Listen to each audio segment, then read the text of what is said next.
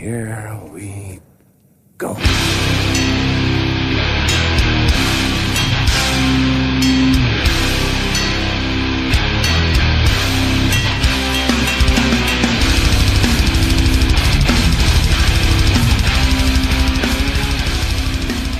Ja men sådär då, nere på noll avsnitt 112. Jag, Robin Lindblad, sitter här med Danne Nätterdal Tja! och ingen mer, för det är bara du och jag idag. För David är på dejt. Som han kommer få berätta allt om i nästa avsnitt. Det måste vi ju tvinga honom till nu när han undviker poddandet i förmån för dejtandet. Kommer du ihåg den där punksinglar? Din morspit i dejtingträsket, eller vad var det? Det är där han har, han har hängt nu senaste tiden. Ja, precis. Nej men kul för honom. Och vi, fan, vi är slitna, så vi har varit ute på vägarna Ja. senaste veckan.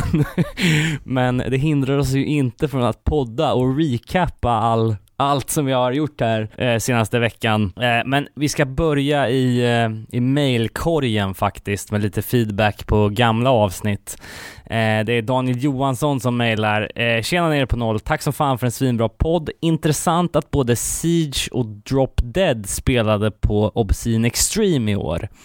Eh, Drop Dead har ju döpt sig efter Sieges, dem- Sieges demo Drop Dead. En eh, sexlåtars kassett som Siege spelade in 1984 och som kan sägas vara grundplåten för grindcore. Drop Dead-demon gavs ut som bootleg av Lost and Found, vilka annars? Frågetecken. 1993 och har sedan släppts som en legit utgåva med jämna mellanrum, bland annat av Relapse, Deep Six och av Drop Dead, Bobs eget bolag Armageddon. Tror för övrigt att ni pratade om Siege i Nasum-podden. Mm, jag tror vi har varit inne på den i Boston, Boston-sammanhang också. Ja, Men det är ju här, det är ju lite för snabba grejer för våran smak, så det brukar väl kanske inte komma på, på tal så ofta. Han fortsätter med att säga att eh, ni pratade ju också om att Powertrip släpper nytt material. Gillar man dem men vill ha lite punkigare och snabbare crossover så kan jag tipsa om Red Death från Washington DC. De släpper sin tredje fullängdare Sickness Divine på Century Media i november. Förra skivan Formidable Darkness är en riktig 10-poängare, finns på Spotify. Jag vet inte om ni pratat om Red Death i någon annan podd, men det förtjänar att lyftas fram. Hmm. Ja, de var ju ganska mycket på tap- tapeten i början där. De spelade väl i Sverige Precis. några svängar när, var det, spelade de tillsammans med Protester till och med? Ja, Prescription Death var väl också kanske med Ja. på den. Så. Men det är lite bortglömt, det var mycket snack, snack Ja. i början och nu har de harvat på här och, och släppt eh, lite grejer pö om pö tror jag. Jag tycker det brukar poppa upp lite kassetter och skit ja, men allt, precis. som, allt som oftast. Jag har dålig koll på det här bandet, men det låter ju som någonting man bör kolla in. Ja men det är ju lite mer groovy, åt, det är väl åt powertrip-hållet helt klart. Just det. Men kanske, i alla fall det gamla var ju lite mer långsamt tugg skulle jag Ja. vilja minnas. Sen kommer in ett mejl från Lars Olsson angående Viby Hardcore. Eh, det är ju inte då Viby socken i vårt kära Närke, utan det här är Viby utanför Sollentuna. Eh, han skriver då, eh, Tjena nere på noll, eh, tack för en grym podcast, upptäckte den förra veckan och har redan lyssnat igenom ungefär 10 avsnitt. Eh, lyssnade just klart på avsnitt 58 och blev glym- grymt glad när ni spelade Ashram. Eh, de hade en enorm influens på ett gäng som jag tillhörde lite i den perifera Sollentuna-scenen. Jag tror alla möttes först någon gång 89 när Raped Teenagers spelade med Ashram i Uppsala. Vi var säkert 15 personer från Viby som var där. Men sen var nästa stora event Fugazi i Gävle. Eh, kul också att ni läm- nämnde Potlash och Axel. Kommer du ihåg att jag åkte upp till Gävle 92 när Fugazi spelade igen med Axel och några andra Viby hardcore-killar? Vi hade jämt lite skojbråk med Potlash, men ingenting seriöst. Potlash var mer skate. Vi, vi började prata en del om Viby hardcore i slutet av 80-talet och ett av de tidigaste banden, Dim Reflections, spelade en hel del med Ashram. De gjorde också en split-LP tillsammans som tyvärr släpptes år senare, alltså Ashram och Dim Reflections då. Första demon med Dim Reflections som är grymt bra släpptes 1990. Vidare så för oss så var Teddy Bears nästa generations hardcore och ingenting som vi tog så seriöst även om de var duktiga. Så att de var först med hardcore i Stockholm som inte var känt är fel. Eh, I vår bok var de posörer och några av oss brukade hoppa upp på scenen när de spelade och stå och stretcha istället för att diva och morsa. Eh, det största bandet från Viby HC-scenen var Smudgemen. Ja, men då har vi ju snackat om vid något, något tillfälle. Ja, ni har säkert hört Melody of Harmony som blev en stor hit i skate och snowboardvärlden. Precis, och den är ju med på G-spot Rock on the Clock eh, compilation, om Ja. jag inte minns fel. Okej. Två av medlemmarna i Smudge... Inte om det var så jävla hardcore då. Nej. Men det är, det är en bra låt i alla fall, helt klart. Två av medlemmarna i Smudgemen var förresten drivande i dödsmetallbandet Epitaph, döpt efter skivbolaget. Intressant crosspollination mellan dödsmetall och HC. Ursäkta mitt svamlande men tänkte att ni skulle uppskatta lite anekdoter från förr. Förresten, Ultrahuset i Haninge var grymt viktigt. Tror både Black Flag och Scream spelade där och på min tid såg jag Life, but how hot live it? Grymt underskattat norskt band. Sen skriver han också eh, Förresten, grymt fanzine om ni kan hitta det och länkar ett fanzine vid namn Subdive som jag antar kommer ur den scenen. Eh, Ett, ett svenskt fanzine med intervjuer med Fugazi, Ashram, Outlast och så vidare. All right. Det är inget jag har hört talas om faktiskt. nej, Kanske dags att göra ett Sollentuna-avsnitt nu när vi har exakt. Ja, tack så mycket Lars. För... Sigtuna. Ja, men extremt kul. Kul att höra lite från det gamla Sverige innan, innan ens egen tid. Ja, verkligen. Eh, så mejlar Daniel Johansson igen angående purfärska avsnitt 110. Tjena, nere på noll. Eh, avsnitt 110 var en riktig banger. Väldigt inspirerande att höra Charlie Voice och Ekan snacka om hur de jobbar med och tänker kring form och illustration. Också sjukt roligt att höra alla stories om Burning Heart, särskilt den om No Fun and Waltz Out of Bounds. I sanning ett av de märkligaste omslagen på en punkplatta någonsin. I inledningsskämtet klurade ni på om Tarantino gjort en kombinerad vampyr och spagettivästernrulle. Svaret är nja. Tarantino skrev manus till och hade även en biroll i vampyr slash road movie slash splatterrullen From Dusk till Dawn som regisserades av Robert Rodriguez. Klart sevärd om man inte har sett den. Älskar er podd, keep up the good work. Hälsningar Daniel. Ja, det är inget mer än att tacka. Kul! Sen kom det ju en lite feedback på Facebook också på båda eh, avsnitten som vi har släppt, eh, som vi har kallat för TV Party 1 och 2 med Ekan och Charlie Voice. Eh, det börjar med att Bulan skrev “Kul att Daniel ska droppa någon obskyr stad och väljer Landskrona”. Sen så eh, skrev Niklas Holm “Tack för omnämnandet, kan även meddela att jag fler än en gång blivit kontaktad av random folk som undrar hur mycket jag ska ha för att släppa mitt ex av Shunkin' Can Sen så skriver Mark “Mitt favvoavsnitt någonsin, mina topp tre Burning Heart-omslag. Ett Raised Fist, Ignoring the Guidelines, har alltid antagit att det är ett skelett på omslaget. Hela designen får skivan att kännas mörkare och mer metallisk. Eh, deras bästa ljud någonsin samt alla deras bästa låtar. Nummer två, Breach, Venom. Spackelspaden. Ja, precis. Denna har Pierre gjort antar jag. Också mörkt och mystiskt. Tillsammans med videorna och soundet så är det perfekt. Både ett konstnärligt verktyg och siluetten av en person. Och sen tre då, Millencolin Tiny Tunes och topp tre Millencolin-omslag. Ett Tiny Tunes, två Life on the Play, tre Pennybridge Pioneers. Jävligt kul. Och sen skrev Manne Paulsson också, gött avsnitt och kul att höra lite mer om Voice. Minns att jag, minns att jag upptäckte dem 97 eller 98 när de spelade på en gratisfestival i Leksand. Stället tror jag kallades för Gropen och helt soniska en stor jävla gräsbeklädd grop. Dagen till ära var det bitvis uselt väder och de allra mest nihilistiska dräggpunkarna roade sig med att kasta sig och glida i det våta gräset längst upp i gropen och glidtackla allt som kom i deras väg på sin resa neråt. Bortsett från detta så var det en kul tillställning där voice var den stora behållningen, tyckte i alla fall jag och, och 15 pers till. Tätt följt av det faktum att Edge of Sanity spelade en hel konsert utan basist då denne fastnat på en ö på grund av trasig båtmotor och att sångaren i Coca-Carola under deras set utmanade publiken till gyttje-crawl framför scen.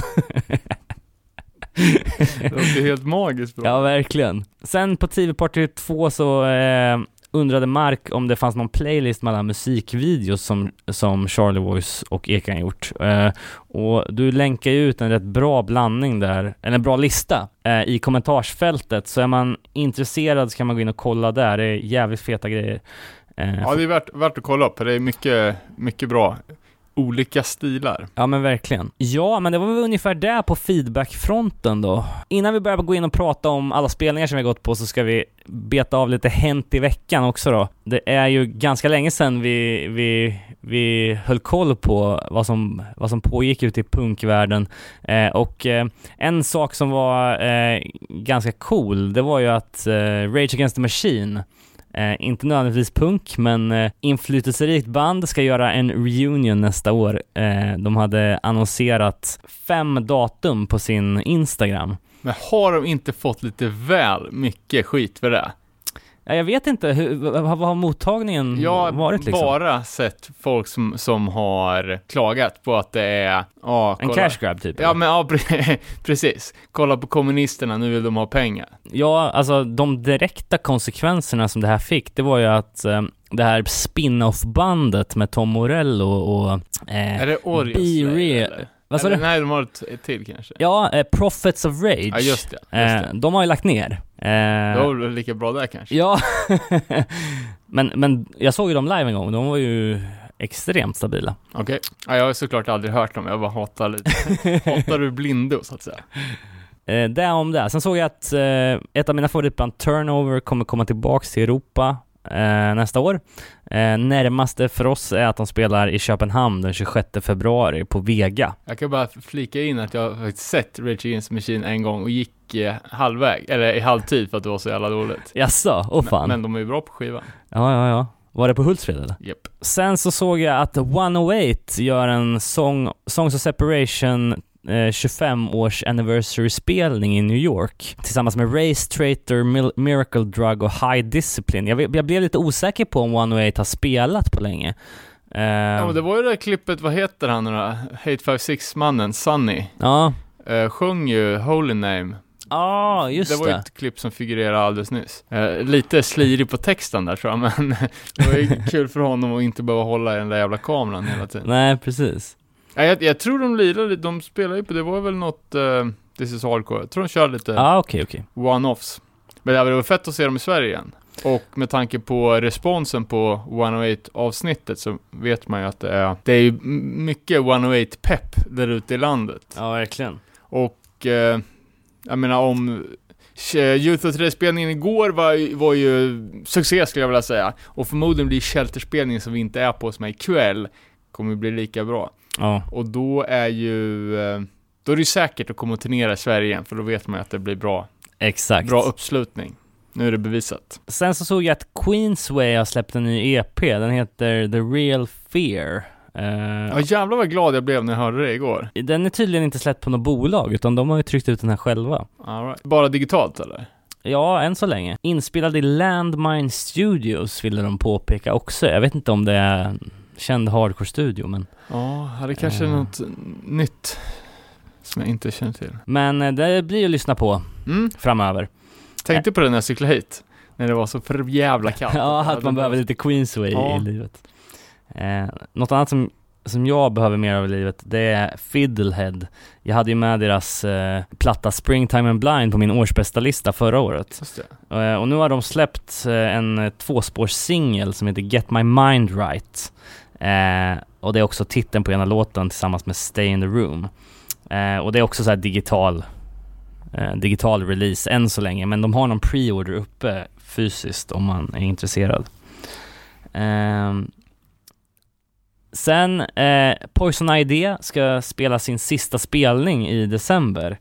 Ehm, och det är då den 28 och 29 december i Brooklyn.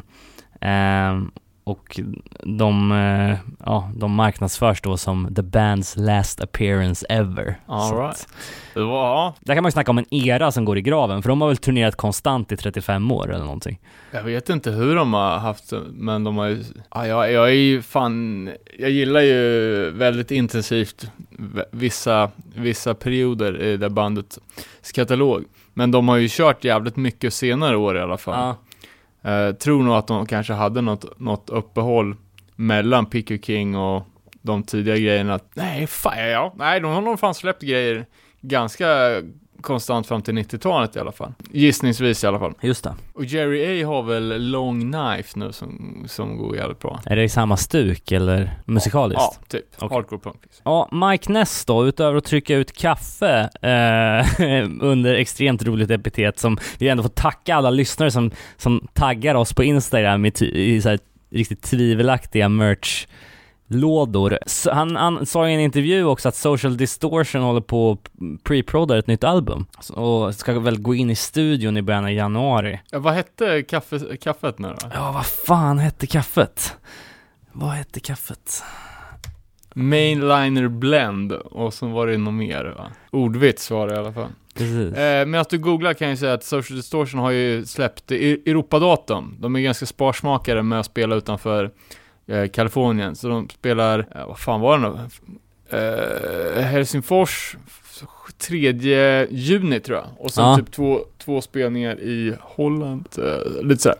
Och det är ju ett jävla fint band som man gärna vill se. Så jag hoppas jag kan komma iväg och kolla. Fett. Another State of Grind heter Just det. det. Kul. Så gärna att Danny Diablo släppt kaffe, men det kanske vi har pratat om. Ja, nej det vet jag fan, men eh, jag såg att han eh, nu senast, eh, jag kollade här bara några minuter innan vi började, så hade han en poll på sin Facebook-sida om han skulle klippa sig eller inte. så ja, det är full disclosure där.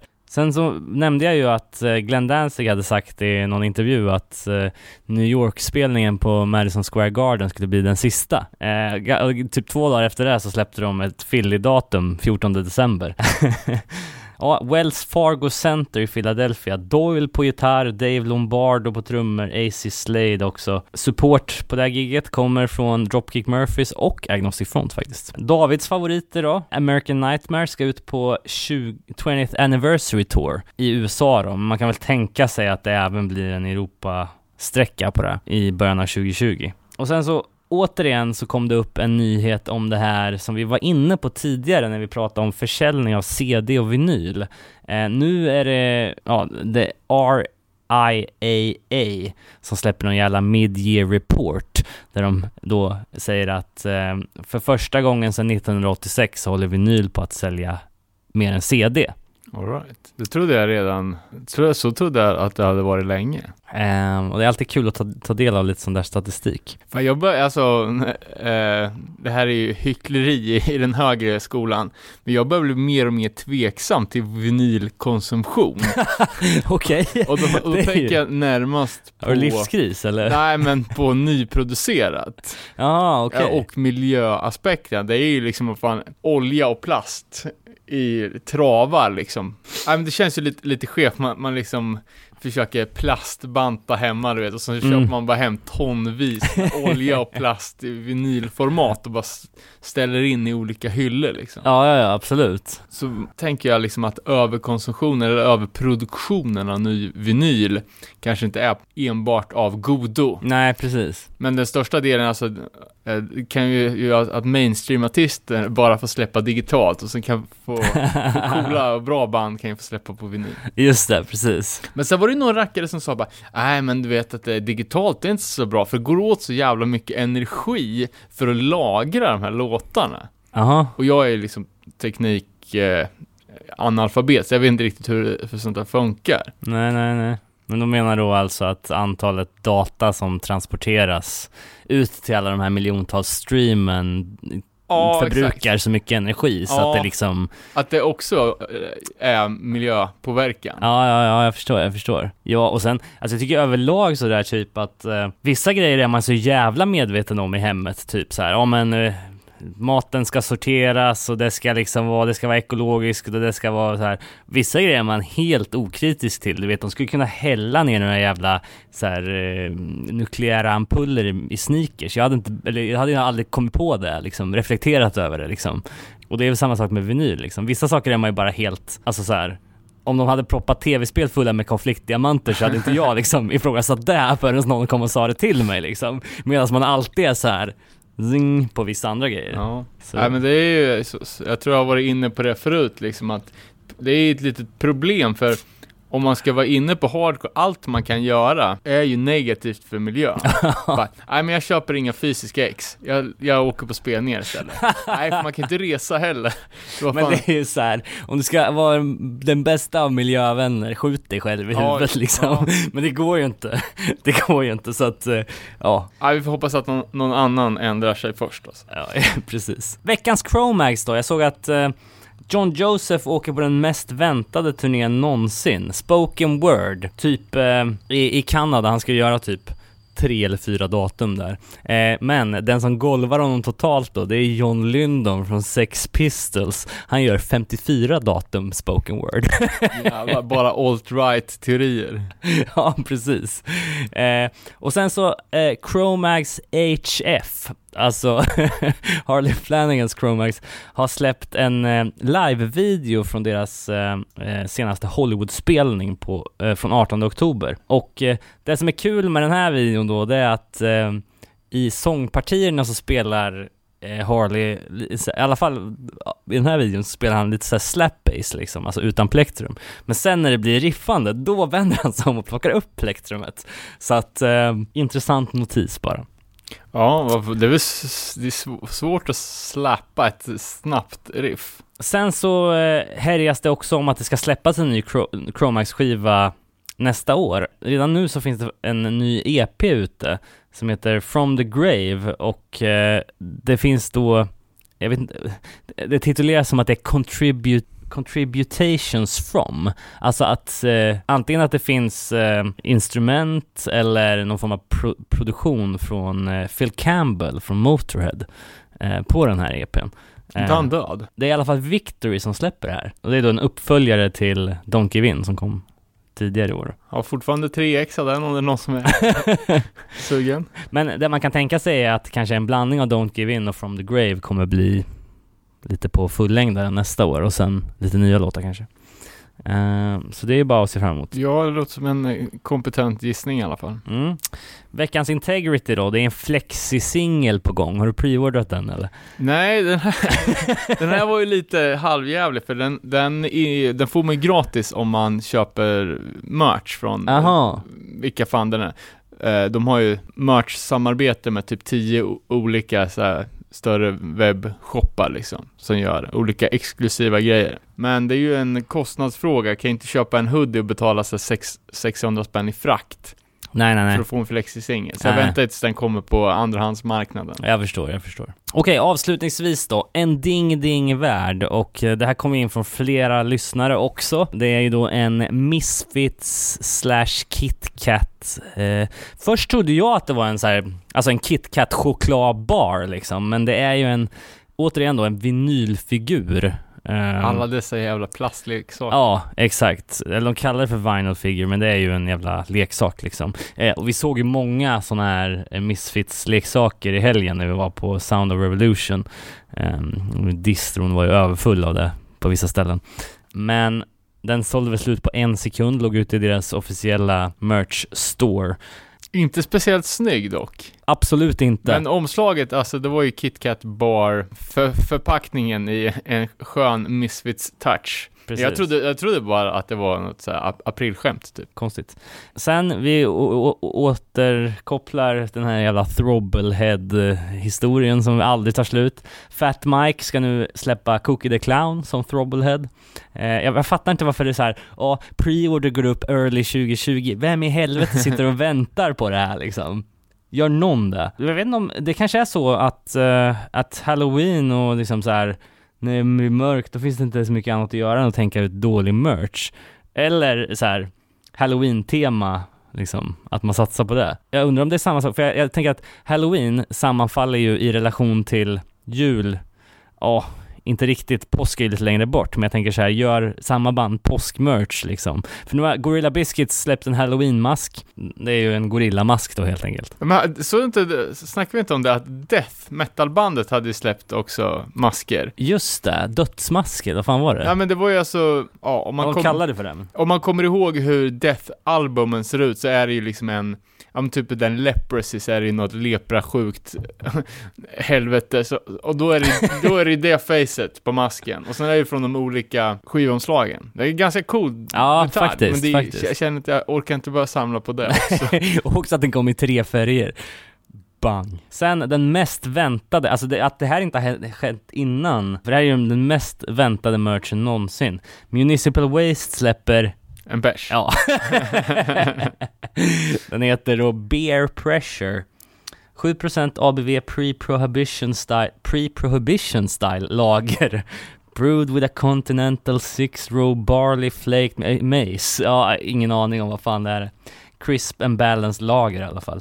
Tydligen då som en skön twist på det här så ska både Municipal Waste och Napalm Death spela på det här bryggeriet utanför Philadelphia i samband med releasen av ölen då. Sen har jag bara skrivit en sista fotnot här, jag vet inte om du kan svara på det här men det rubriken är bara så här, vad är det för fel på Ozzy? Jag tycker det är så kul, så här, oavsett vart jag tittar på alla så här hardcore nyhetsfeeds och så här, eller metal-relaterade grejer så kommer det alltid upp så här Ozzy postpones European tour again, liksom. Vad är, vad, är, vad är det liksom, vad är det för fel på honom? Ja, det är nog ganska mycket som är fel. Det är det som är problemet. Okej, ja. Vi, vi lämnar det där då. Sharon vill boka och han vill boka av och sen håller de på så. ja, men eh, ska vi ta och hoppa in på en någon sån här spelningsfestival-recap? Ja.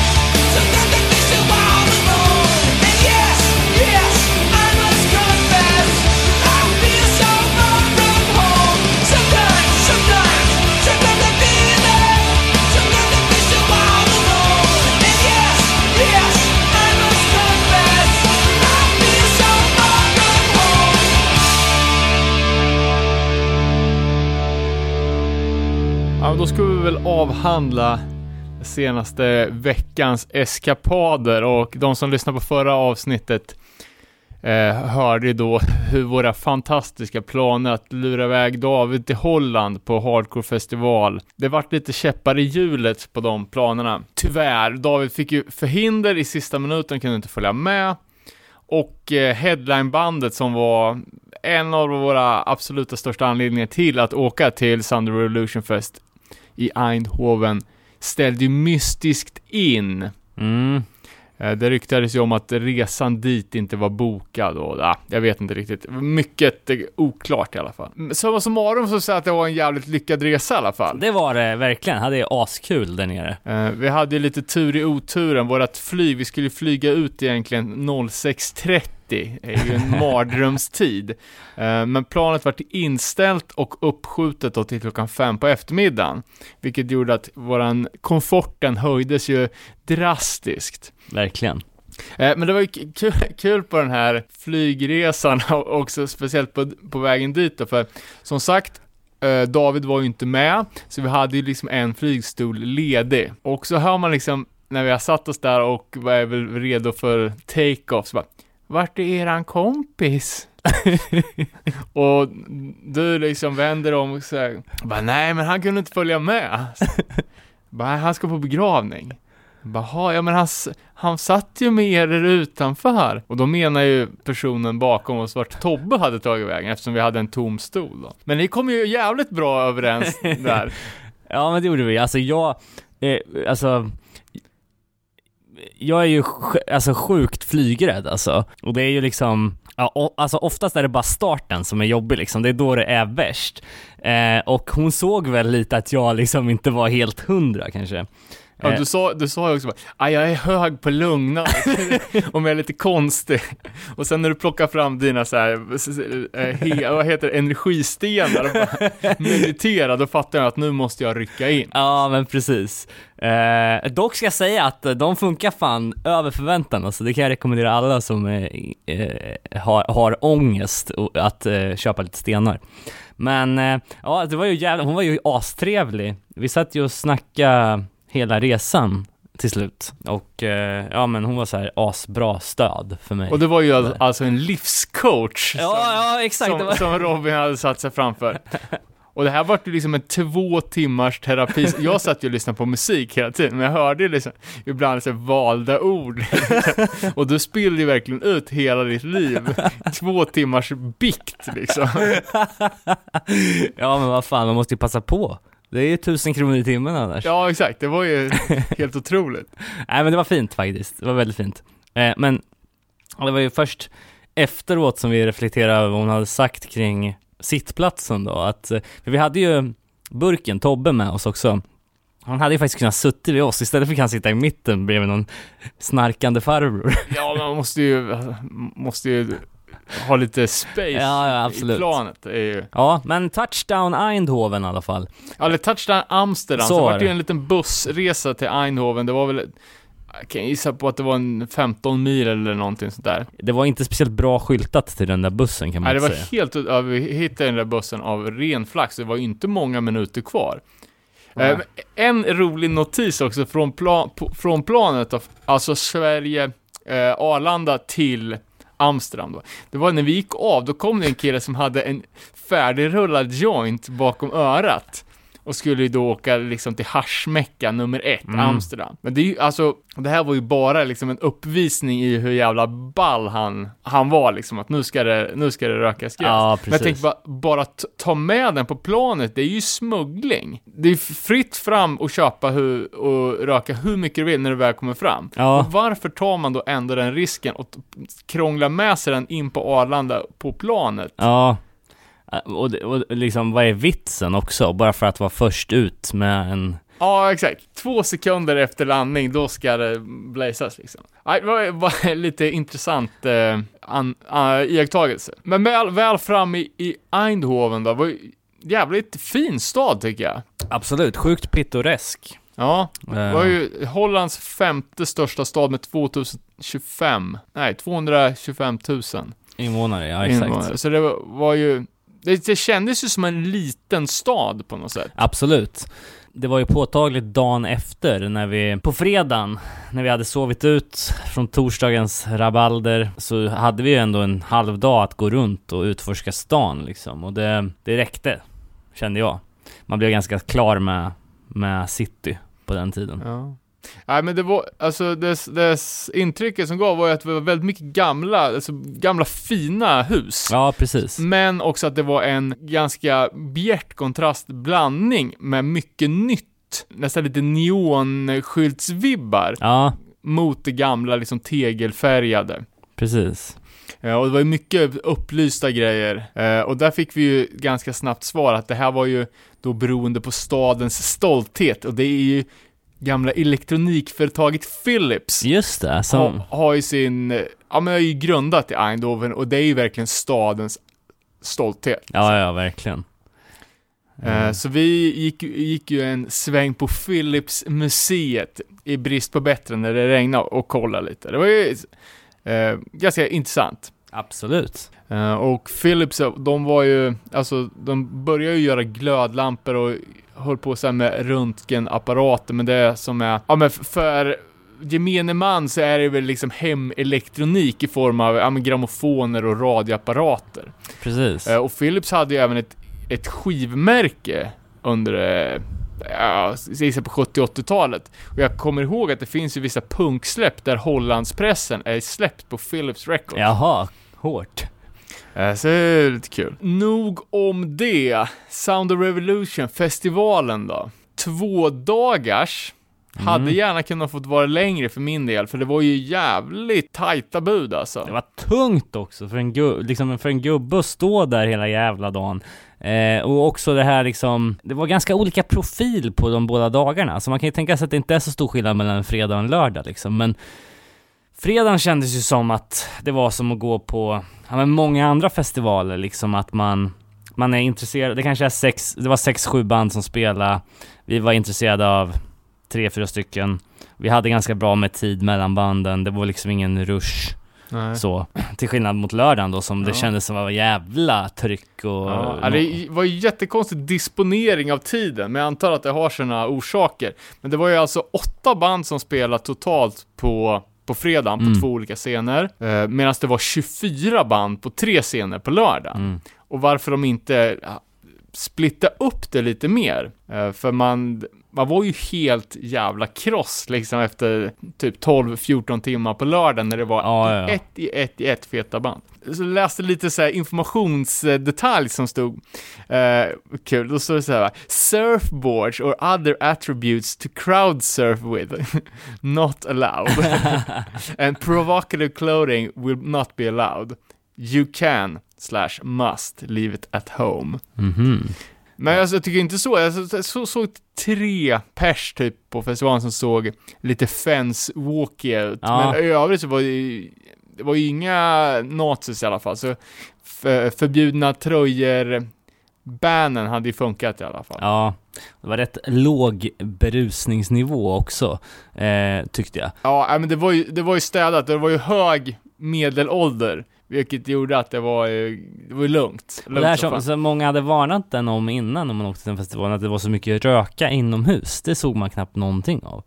Det var någon jävel som, som gick och bloffade någon jävla e-cigg, men i övrigt så tyckte jag att det var... Nej, det var ju ing- ingenting. Så jag säga. Och det, var, alltså, det var inget eh, gräsrakande på gatan heller, vilket var eh, lite förvånande faktiskt. Ja, men fredagen då? Ja, festivalen öppnades ju med det extremt dåliga bandet This X Guy. Ja, som jag bara iakttog att det var ruttet. Så det första bandet som vi kollade på var ju engelska Higher Power, som jag har pratat om vid många tillfällen. Och det här är Europas, eller i alla fall Englands svar på, svar på Turnstyle. Bra på skiva, bra live. Mm, Kändes lite gjort alltså. Ja, jag vet inte fan, ja, faktiskt. Eh, Men de hade ju, det var ju pepp direkt. Liksom, det här var väl första bandet där folk, eh, som folk var intresserade av. Eh, Men det var ju två år sedan vi var på festival sist ihop. Och då var det ju liksom, då var det snarare dresscode att ha higher power merch. Ja. Nu såg jag inte en enda higher power tröja. Ja men då var vi i England. Ja, det är fan sant Det är alltså. någonting med engelsmännen och deras inhemska band alltså. Ja, det är sant. Eh, Men det kändes ju också som att Higher Power fortsätter på att rida på den här flippiga turnstyle-stilen. Ja, Liksom eh, sången som, hans karaktäristisk, karaktäristika är ju hans eh, extremt skeva garnityr. En riktigt engelsk tandrad. Och Ja. nu har han ju dessutom rosa hår. Så det var bara så här, jävligt crazy liksom. ja verkligen. Men, men det är ju, ah, det är, det är ett bra, bra band. Absolut. Men det var ju också lite, inte fan, det var väl egentligen brist på eh, engagemang från våran sida kanske. Mm. Eh, sen nästa band ut då var ju eh, ett band som hade blivit inkilat. Det, det här var ju där vi eh, satt och hoppades lite på. Det var ju Long Island hårdbandet Hangman. Mm. Eh, som är ute på samma turnépaket som många av banden som spelade på festivalen. Och vart väl liksom åkte in på en, eh, på ett bananskal Ja, exakt. Eh, men jag tyckte de gjorde det jävligt kompetent eh, med fem minuters roddning och sådär. Eh, dock så var det ju jävligt mycket reverb kvar på sången från Higher Power-setet eftersom det blev så liksom tight. Eh, Ja precis, för jag tror ju att Higher Power hade väl inte låtmaterial, för alltså det är ju såhär festivalslott, så då ska man ju spela så jävla länge. Det var ju många band som hade liksom verkligen fick köra hela katalogen för att det skulle Ja, ja, ja. räcka. Så Higher Power hade väl tid och eh, Hangman hade väl lust, så att eh, de splittade väl på, på sättet, eh, utan att göra någon liksom eh, något soundcheck emellan, så det vart ju, i början på Hangman var det lite märkligt sångljud. ja, precis. Eh, Men det var då jag gjorde en liten trendspaning också, så- Mhm. och som, får höra om du håller med på. Men, för Hangman, du är ett relativt ungt band. Mm. Alltså det är ett nybildat band och de i bandet är ju liksom i 20-årsåldern, det är ju en yngre generation. Liksom. Och det var ingen som hade några tatueringar. Och det är liksom jävligt ovanligt inom hardcore. Ja, det är sant. Eh, och snarare att liksom de här nya gruffbanden, att de istället för att typ, alltså, du vet, så de ska se så farliga ut, se ut som Cold as Life, så att de ser nästan lite fjantiga ut. Ja, ja, ja. Eh, tänk typ eh, Trini Deep, ja trummisen där med sina liksom så stålbågade glasögon Ja. och liksom någon liten hatt på, eller så Nörd... Eh, Ja. Nerdcore liksom. Och det var lika, flera i Hangman som såg ut men snarare som att de, som de var tv-spelare, Ja. än eh, något livsfarligt hardcoreband. Just det. Och det här med tatueringen liksom, det har ju varit en, alltså, super-kodex-grej för hardcore-folk. Ja, Alltså när jag och mina polare började skaffa tatueringar, liksom mycket tatueringar, det var ju för att det, vi är hardcore, det här är våran, Ja, det här är våran stil. exakt. Det är vårt kultur, eller det var en kulturarv liksom. Men eh, det är inte, folk har kanske Ja, då hade, var det ju ingen som hade det. Nej. Det var ju fan alltså typ unikt att vara 20 och ha fullsleeves. Ja, I alla fall av de människorna i Örebro som jag träffat. ja, ja, precis. Men för de här nya kidsen då som är för, fan, om man är 20, ja men född på slutet på 90-talet. Liksom när de eh, var i sina formativa år och tog intryck för vad de tyckte var coolt. Då hade ju varenda jävla snickare och fotbollsspelare och sådana här människor som man själv liksom, fan gör allt för att inte förknippas med. Nej, precis. alla de har ju tatueringar nu. Det är klart att de nya kidsen försöker ta avstånd från det. Ja, ja. Då får de göra det genom att inte, inte ha tats, dreads and piercings. Och så fortsätter cykeln liksom. Ja. Sen kommer nästa generation rebellera mot det och så återkommer eh, ögonbrynspiercingen och, och tribal-tatueringen typ. Ja, Och så börjar cykeln igen. Det är mycket möjligt. Men ja, jag, jag, jag tänkte inte på det själv, men eh, nu när du säger det så, så, så stämmer det ju. Men eh, samtidigt så, det var ju gött att se då att att det fanns några band på festivalen som var gamla i gamet Jo, och kunde alltså- visa vart skåpet skulle stå. om, om vi sa att det var en hög medelålder på pu- publiken så var det ju även på banden. Eh, så att det kanske var, ja men i alla fall två tredjedelar av banden, eller kanske, eller kanske ännu mer, var ju liksom gamla band som antingen körde någon sorts reunion-spelning eller också liksom har haft sin storhetstid bakom sig. Ja, precis. Eh, ett band som ligger li- lite emellan där skvalpar, varken nytt eller supergammalt, det är Backtrack. Eh, band också från Long Island, New York. Jag vet, eh, skulle inte de ligga ner? Ja men det här är ju deras sista Europasväng. Ja. Sen är det över. De har väl hållit på i Ja, de har ju säkert hållit på 15 år. Ja, men det är så här sjukt länge, 10 i alla fall. Ja, Eh, och vi har ju pratat om dem ganska nyligen och, och spekulerat i när olika backtrack-spelningar här i Sverige har varit när en skiva kommit. Jag just det. kommer inte, fortfarande inte ihåg vad vi kom fram till då. Nej. Men, Men jag minns inte att det var så jävla dålig sång som det var nu. Alltså back in the day. Du sa ju till mig såhär bara, fan han har aldrig kunnat sjunga. Ja, ja jag, jag vet inte, det beror lite också på vart man stod i, i lokalen. Ja, okej. Jag är ju under ett eh, strängt morsförbud nu på grund av lite för mycket hjärnskakningar, så jag fick ju prova vart man kunde stå utan att riskera för mycket stage dives i huvudet eller rundhus i nyllet. Ja. Så de första bandet så tänkte jag bara, "Nej, men jag, ska stå långt fram höger. Lät för jävligt. Åh fan. Eh, och det var väl ungefär här vi eller, eh, Hangman kunde i och för sig stå i hästskon för då det var det så pass lite folk, men på Backtrack började man stå längst och det lät skit. Alltså. Ja. Som, eh, det var ju två, två scener, en jättestor och en jätteliten. Mm. Den lilla scenen var ju en halv meter hög, Den stora scenen var ju arena size. ja, det var alltså. ju e- enorm. Alltså. Alltså ett kravallstaket och Ja. liksom hela den grejen. Men man, man, fick ju, man fick ju lära sig vart man, vart, man, skulle placera sig och hur man skulle lägga upp liksom schemat, för att det var ju, framförallt dag två, så var det ju sjukt hektiskt. Ja. Eh, efter Backtrack då har inte jag skrivit upp någonting, jag antar att det var några mer band som vi vaskade där. Uh, det jag har på listan var ju Ignite. Ja, för fan.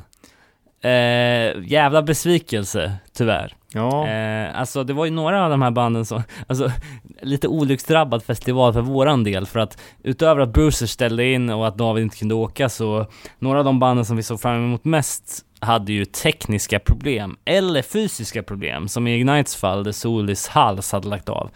Ehm, Tyckte dock han sjöng bra, det gjorde han. men det var ju ett jävla klagande. Eh, och alltså hade inte han sagt någonting så hade ju, hade inte jag märkt någonting. nej, nej. Jag, tyck, jag tyckte han sjöng rätt bra, men de kortar ju setet ganska rejält. Eh, och jag vet inte om det gjorde, om det var därför att det inte kom några gamla låtar. mm. Eh, för det här, alltså, vi pratade om det på vägen dit, att Ignite är ett sånt band, vi har inte ens reflekterat över att de ska spela, för förväntningarna är så pass låga så att det kommer, det, det är vilket som. Liksom. Ja, Men med det sagt, alltså Ignite är ju fortfarande ett av mina absoluta favoritband. Och eh, Pasta Means, Call of My Brothers är ju två, i alla fall på topp 10-listan, ah, skivor någonsin. Kanske Ja. till och med på topp 5-listan. Och när de spelar bra låtar, då var det ju gåshud liksom. Det var, det är ju så jävla bra.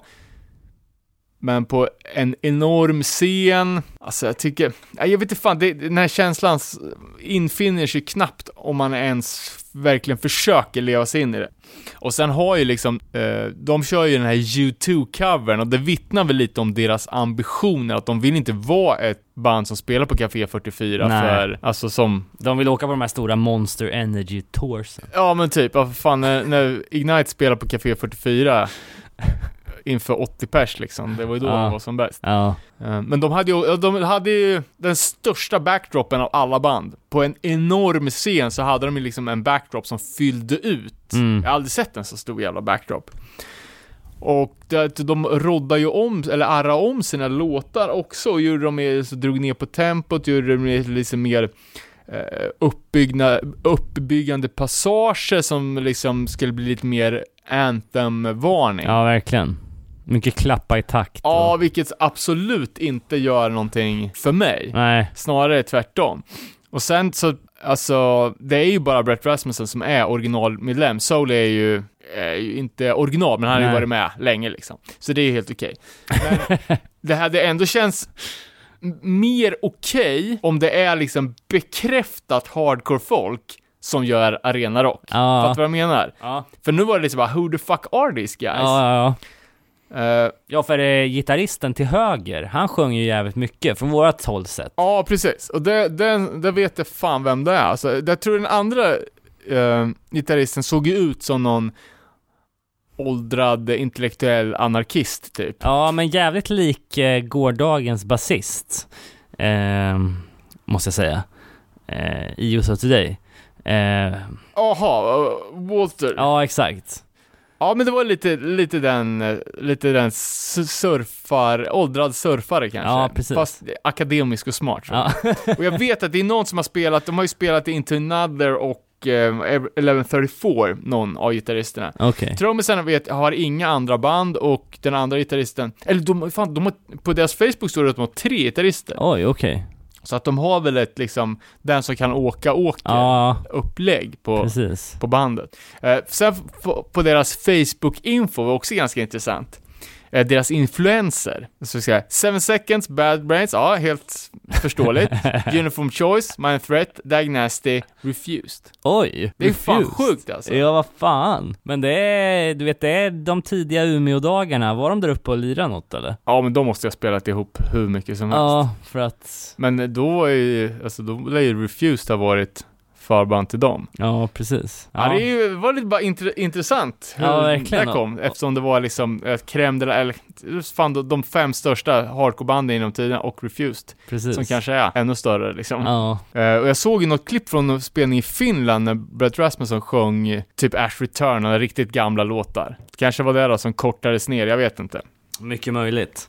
Sen en annan, jag vet inte. Eh, det är mycket dissande hit och dit och te teorier och sådär, men de har ju ett litet douche-rykte, tyvärr. Jaså? Eh, förutom att, ja, det är ju typ, Men vadå, vem, vem, eller i, på vilket sätt? ja, men att de ska ha lite dålig attityd liksom. Okej. Vi pratade när vi, till exempel när, när var det väl när, när Tor var här och, och eh, rapporterade om, eh, eller var det inte när han pratade om sin tid i Sea Shepherd Conservation Society, liksom, där Ignite är superaktiva. De har ju liksom, de har gjort hyllning, eller så benefit-grejer till massa djurrättsorganisationer. Ja, ja, precis. De har låtar mot jakt och verkligen, alltså de är, förutom Earth Crisis, typ de mest politiskt, eh, eh, så så här, eco-defense, eh, som från 90-talet. Ja, ja. Samtidigt som de käkar kött. Jaha, Det är bara så fan. här, jävla konstigt. Ja, verkligen. Så vad, vad tänkte du på att hela Ignites entourage, med deras roddar och marchare, så här, bara väldigt unga, väldigt snygga tjejer. Ja, och det kändes bara lite så här, fan, lite gubbsjukt.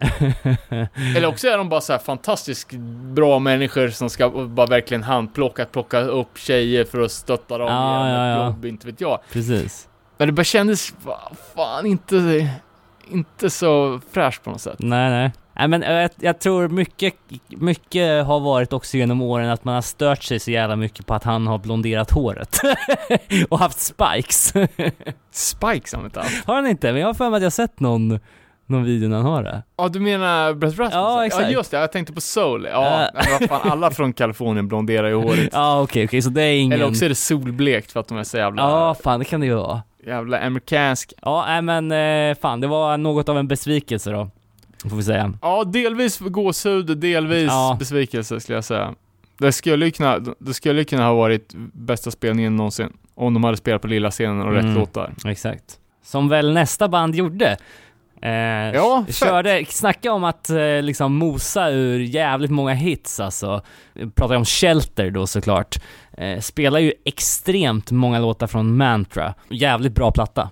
Ja. ja, det var var jävligt kul att de satte Shelter på lilla scenen ja, också. precis. Jag hamnar sjukt långt bak dock, men alltså, så här, alltså det var så jävla bra så att dels har jag ångest för att jag inte är på spelningen ikväll, men också så här typ Ja men jag vill ju typ köpa all merch efteråt, så den känslan har man ju inte så ofta liksom. Ja, det var, det var ri- riktigt bra. Och om man nu ser 30 hardcoreband som bara går rakt upp och ner, kör sina låtar liksom. Ja. Det, alltså till och med jag tycker att det blir li, lite sam, samma samma. Men Shelter, de har ju sånt jävla Alltså, de har så lite fler dimensioner på framträdandet. Mhm. De, de, gick- först gick de på, eh, alla, alla kommer ihåg där liksom, typ, det är väl någon munkchantning som är Ja. introt till Mes- Message of the Bhagavad. Eh, några sekunder. Den körde de fast 10 minuter innan. Mm. Så jävla hög volym, så det var helt sjukt. Eh, sen hade de ju rökelse, de spelar i särkar, liksom, det Mm. blir det blir liksom lite fler sinnen som aktiveras än bara öronen. Men jag, jag tänkte nästan att det skulle ta, inte tas emot så bra, för att innan vi var och såg Ignite, då satt ju vi och snackade med några, eller det kanske var bara jag som gjorde det, men då, då, då, pratar de, eh, det var några tyskar som pratade om både Ignite och Shelter och såhär bara They talk too much, bla bla bla så här, typ som att det var segt liksom. Ja, men alltså, och det är ju, både Soli och Ray Capo pratar ju för mycket mellan låtarna, så, Ja. så är det ju. Och har ju väldigt bestämda åsikter liksom om, om, om sina grejer. Absolut. Det är ju, jag, jag kan tycka att det snarare är uppfriskande, alltså i det här tidevarvet, för att förr, när man själv började lyssna på hardcore och kom upp i, i hardcore-scenen liksom, då var det ju mer regel än undantag att Ursäkta. Ja, det är lugnt. Eh, det var mer regel än undantag att, att band hade liksom genomtänkta mellansnack liksom. Och också såhär bara, ah fan, för det, då blev det nästan så här typ, jag skulle säga att det blir ännu mer pepp att höra en bra låt om den byggs upp av ett så här mellansnack liksom. Typ så här, ehm, ja men som igår när vi såg Youth of Today liksom. Ja men, det var så här, I, I need to slow down! Och sen så Ja. kör de den liksom, då blir man ju ännu mer Jo, abs- absolut. Dock skulle jag säga att, alltså, tvärt vad alla säger så tycker jag inte att Ray Capo levererar det där. Jag tycker det låter som att han bara freestylar och typ pratar samtidigt som han kommer på vad han ska säga. Ja, jag förstår att man kan, man kan tycka det. För man, man, Eh. fatt, man fattar ju någonstans vad den röda tråden är och vilken sång det är han ska påa. Men sen så är det liksom så här bara, okej, nu pratar han och han vet inte själv hur han ska komma till, till punchlinen. Nej, men jag tycker det kan vara... Och man såg ju de andra, nu ska vi inte gå händelserna för långt förväg, men det var, så var det ju även med Shelter liksom att de andra stod ju på tårna och studsade liksom, fan Ja. kan vi bara spela den här jävla låten någon gång? Precis. Eh, hade ju lite för pepp med att, att lyssna på Shelter, jag har inte, jag har inte liksom extra lyssnat någonting på Shelter inför det här för att du Ja, vad fan, det var ju 25 band liksom. Ja. Shelter sitter ändå i ryggmärgen. Eh, men jävlar vad mycket bra låtar de har. Mhm. Och hela det här bandet är ju liksom gjort för att, ja men det, det är ju gjort för att luba in Krishna consciousness i Hardcore Kids liksom. Ja. Men, Så att det är skrivet för, för att mm, vara hits. Ja men exakt. Men det är liksom så här typ, ehm, om man tittar på så här beatdown-band eller andra hardcore-band så sjunger de så här, så här tunga grejer liksom så här och så. De, de går ju inte upp på scen med liksom en AK4 eller så här skjuter i taket liksom. Fast de sjunger om det. Ja. De sjunger om våld och det är liksom så här, ja. Men det som gör Shelter så jävla bra, det är ju att de de visualiserar exakt det de sjunger om på scen. Och det är det som är så jävla, för det blir liksom, det blir som en till dimension på något vis. Eh, som man inte ser med så många andra band liksom. Att så här, ja jag kan sitta hemma och lyssna på det här på skiva och så här, texterna är, alltså, är ju bra men det är liksom så svårt att ta till sig ibland eller ja, så här, vad, vad menar du typ? Men när, när man står där, han har särken på, rökelsen är där liksom, energin är där. lera på näsan. Ja, exakt. Ja, men då fattar man ju vad det handlar om och det blir också mer effekt liksom, på ett sätt som man inte ser i andra band och det är där de har som är så unikt liksom. Ja. I- intressant det med, med kläderna också, jag läste någonstans att Ja, men typ, alltså, man, man tror att det ska finnas så jävla mycket underliggande budskap, eller liksom att det finns ett sånt supertänk, liksom att den här, den här, den här delen representerar det här, liksom ärmarna på kaftanen representerar den här grejen. Men det är bara, nej, men det här är vår uniform, det är för att man ska känna, är någonstans att bli Krishna. That's Ja. it. Det finns, det var liksom bara så enkelt. Precis. Du känner igen en polis på, på dens uh, uniform, du känner igen en, en Krishna för att vi har den här uniformen. Bara lite, uh, lite udda. Ja, verkligen. Uh, och ja, och det gör ju också att det blir en, en, en effekt liksom, också för att man i, i, i, så fort man googlar shelter så ser man ju det, det bildspelet liksom, men man, om man inte bor nära en Govinda så har man ju aldrig sett den här Krishna i Sverige liksom. Ah, inte ute på gatorna i alla fall. Mm. Så. Eh, och man märkte ju att det var ju liksom hardcore Krishna Kids som hade en liten klick nere i hörnet till höger, eller längst fram vid scenen som Ja men som samlades innan och liksom gjorde bara, vi är här för att rappa Shelter liksom. Ja, Men det var, det var fett, Eh, de hade ju, det var ju Shelter har ju haft mellan 40 och 50 medlemmar genom åren skulle jag säga. Uh, Ray och Purcell har väl varit de mest frekventa. Men de hade originalbasisten som spelade på de två första plattorna som såg ut som någon, ja, såg så sjukt, varken Hare Krishna eller Hardcore ut, såg mer ut som någon revisor från Connecticut typ. Eh, och så spelar ju Sammy trummor. Eh, och jag vet inte om Sammy spelar trummor på, på, på vilka Kälte-skivor, det har jag fan ing- ingen koll på. Men han gör det och han gör det bra. Fy fan vad bra han är. Ja, jag, jag lyckades ju få en ganska bra plats till slut, för det här var ju på, på lilla scenen, man är inte så lång så att om man stod för långt bak så såg man ju ingenting. Eh, så jag, det var ju så här, eh, all dryck serverades ju i hårda plastmuggar som man fick lämna pant på dessutom. Så jag lyckades ju ta en sån och stå på. Sen kom vi upp en, en dess, och så lyckades jag klättra fram en bit. Jag hade ju också en, en full trunk med merch som Ja, jag hade köpt på mig som jag fick slappa runt på mitt jävla idiot. Eh, Men jag fick till slut en, en, en jävligt bra plats, och det var ju en sjukt bra, sjukt bra spelning. Ja, verkligen. Eh, var det hela fredagen eller? Alltså, Ja, jag tror vi, det. Vi rullade, rullade hemåt sen till vårt hotell som ändå var hyfsat nära spelstället får man säga. Och sen lördagen då, då istället då för att festivalen öppnade klockan sex som gjorde på fredagen så öppnade den klockan 12.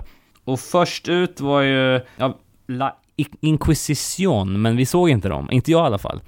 Däremot så var vi ju ganska långt fram på Dead Heat. Mm, ja, jag snackade mycket om det. Jag tror jag var på min, på min eh, topplista för förra året. Ja, Eh, och då är det väl, eh, gjorde de inte en split med Mindforce det året? Eller hade de släppt fullängden redan? Eh, ett eh, crossover hardcore-band från Oxnard, Kalifornien, som stenhårt rappar Oxnard Nardcore Pride. Ett skönt gäng. Ja, verkligen. Eh, och du sa ju det till mig efter den här spelningen när vi pratade om det just i relation till Oxnard också. Eh, om folk var på Retaliate-gigget i Göteborg 2010 så sångaren är det därifrån va? Eh, som har en podcast som är helt inriktad på Oxnard Hardcore. Eh, Ja, exakt. Eh, 185 miles south.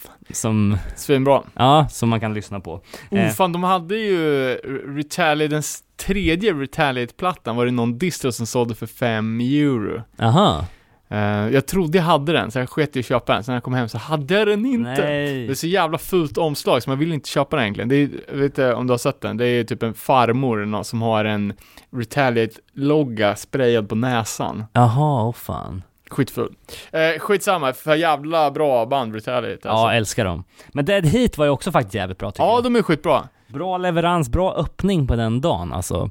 Måste jag säga. Och också att det var liksom, vi gick direkt till Warzone Stage som då är den lilla scenen och, och fick smockan i form av Dead Heat. Ja, nej, men det är, ju- de har ju jävligt bra låtar, de framförde det bra, de hade jävligt bra mellansnack liksom och snackar mycket om scenen hemma liksom, hur de eh, typ fan pratar de liksom om att inkludera freaks? eh, Ja, typ, precis. Typ när vi ser nå- något uppfuckat kid så, så försöker vi liksom snacka med dem in på spelningar för att stärka scenen här. Och, och, och det kändes ju som att det var jävla, det var ju kids liksom, det var en återväxt Ja. liksom, som är jävligt kul att se. Eh, och också att de gör jävligt, alltså Eh, det är ju svängigt och det är nice, men det är ganska primitivt liksom i förhållande till vad alla andra stora hardcoreband gör nu för tiden med unga kids, typ Higher Power och, och sådär.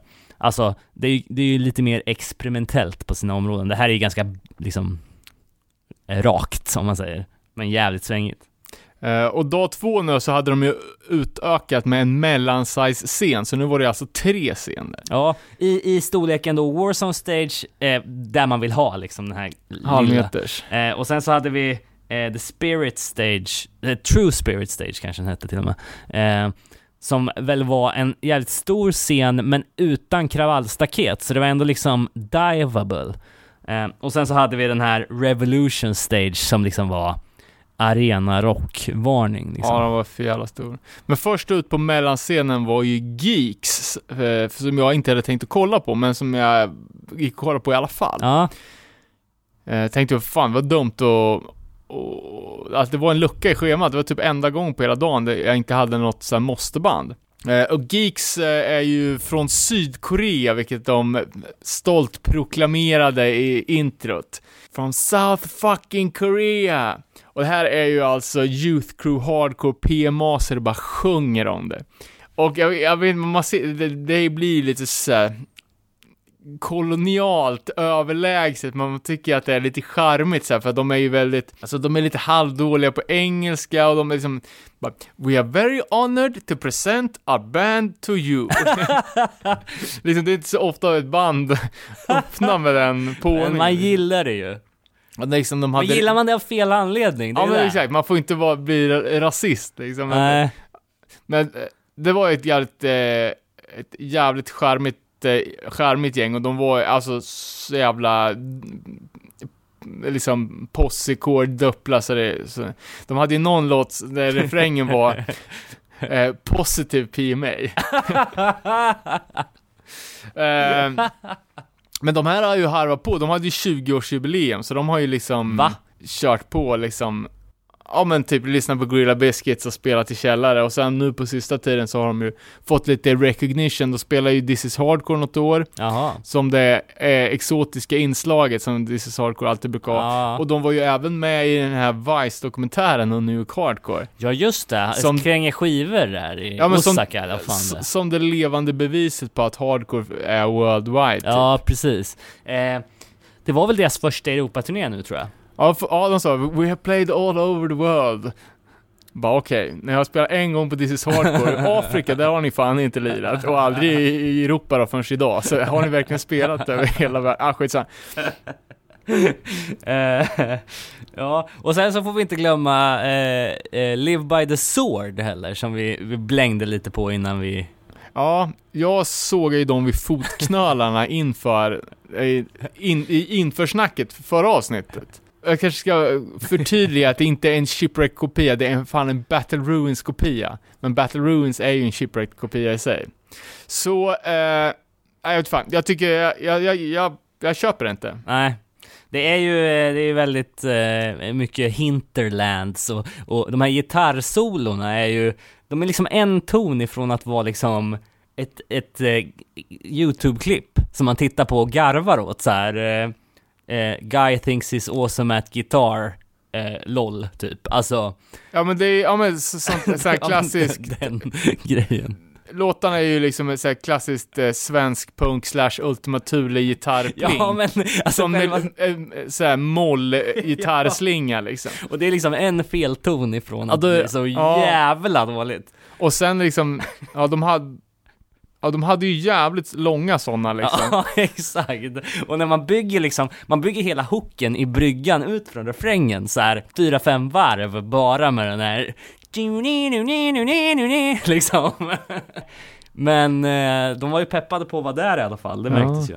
Och sen är sången är ju lite för, alltså det är lite för mycket sång för min, Ja. för min smak. Men framförallt just det här att de kommer från Holland och sjunger om att de är vikingar. Ja, liksom, bara fan, sjung om träskor och tulpaner istället. det här är det blir liksom inte genuint. Nej, verkligen. Men det verkar så, vi hörde på, jag såg lite folk som köpte deras skivor och vi hörde lite folk som vi träffat, de peppa Live by the Sword. Sen en annan kul är att de har två låtar som går exakt likadant. En heter Live by the Sword, de sjunger där, och en eh, heter LBTS. Eller. Jaha, oh, det är ju också exakt samma grej, så att de är verkligen nöjda med att de har kommit på Live by the Sword-frasen. Ja, verkligen. Sen var det strulens strul, Bent Life. Ja, precis. Fy fan vad deppigt det var alltså. Eh, för det första så hade man ju fått höra att det var någon form av sketchy eh, historia med det här bandet. Ja, Mark skrev in uh, och påminde om att de var ett av banden som nämndes i den här Hardcore Predators Gate som Ja, braserade på, briserade på Instagram för ungefär ett år sedan. Mm.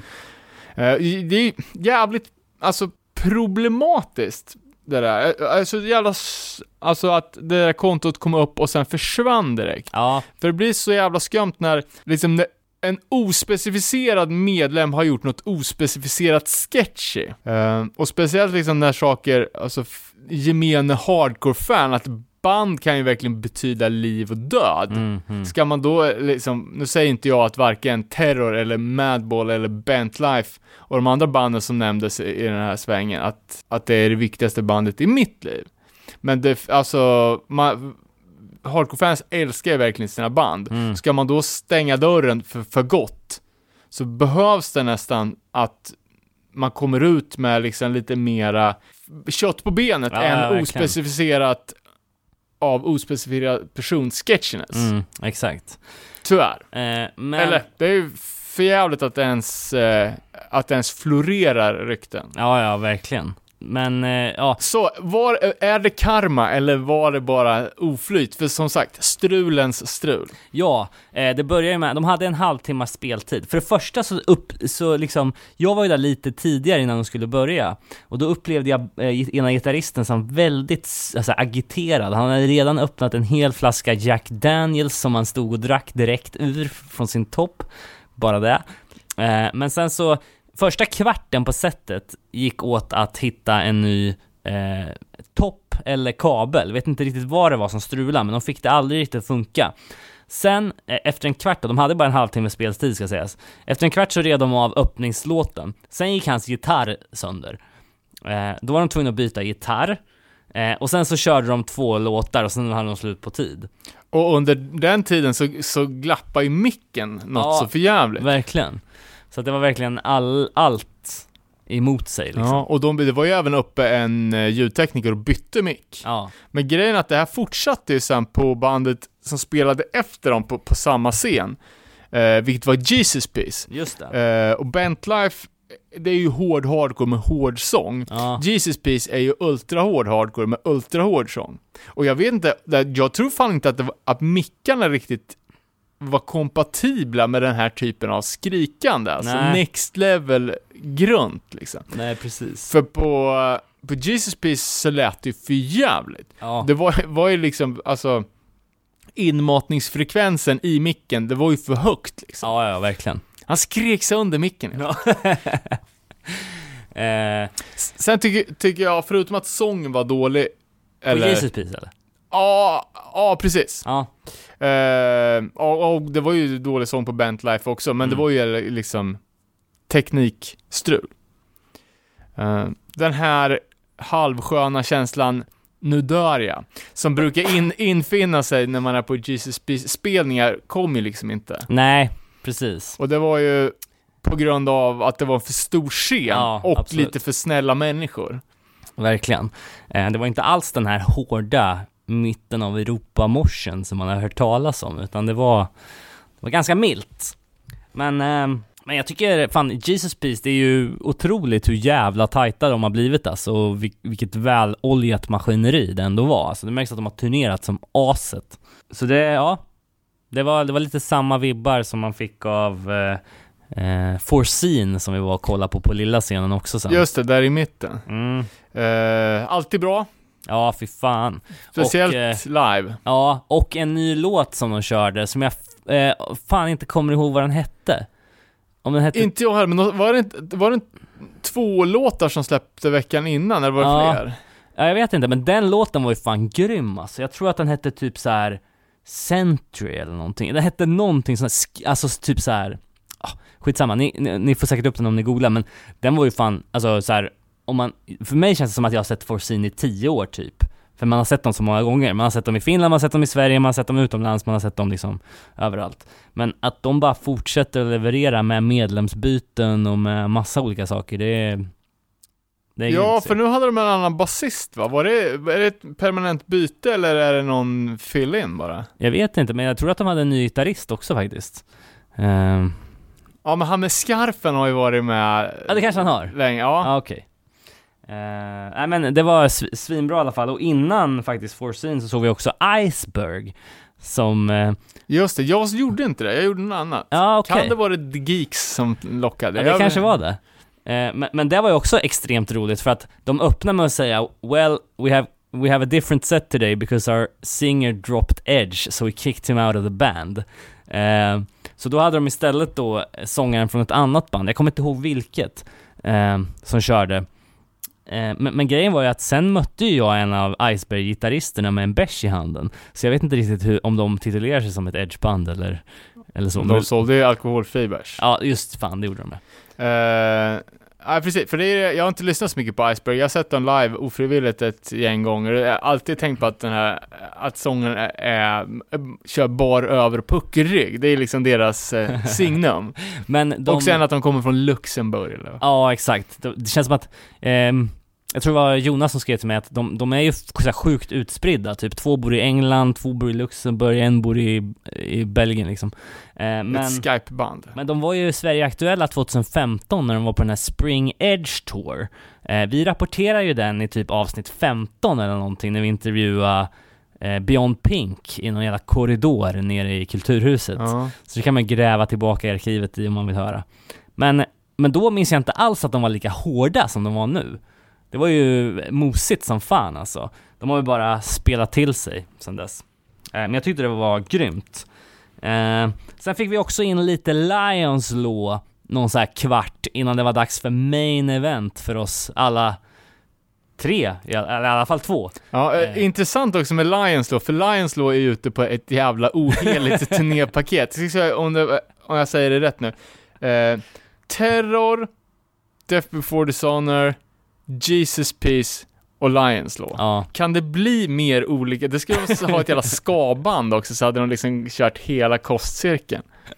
Eh, men det märktes ju att Lions Law som, alltså det här är ju ett eh, franskt oj-band, eh, att de har turnerat med hardcore-band, för sången som brukar vara eh, rätt så mycket sång var ju hardcore-sång. ja, och i Lions Laws fall så var ju inte det till det positiva. Utan han gick ju upp och liksom rev av ett hardcore-set där helt plötsligt. verkligen.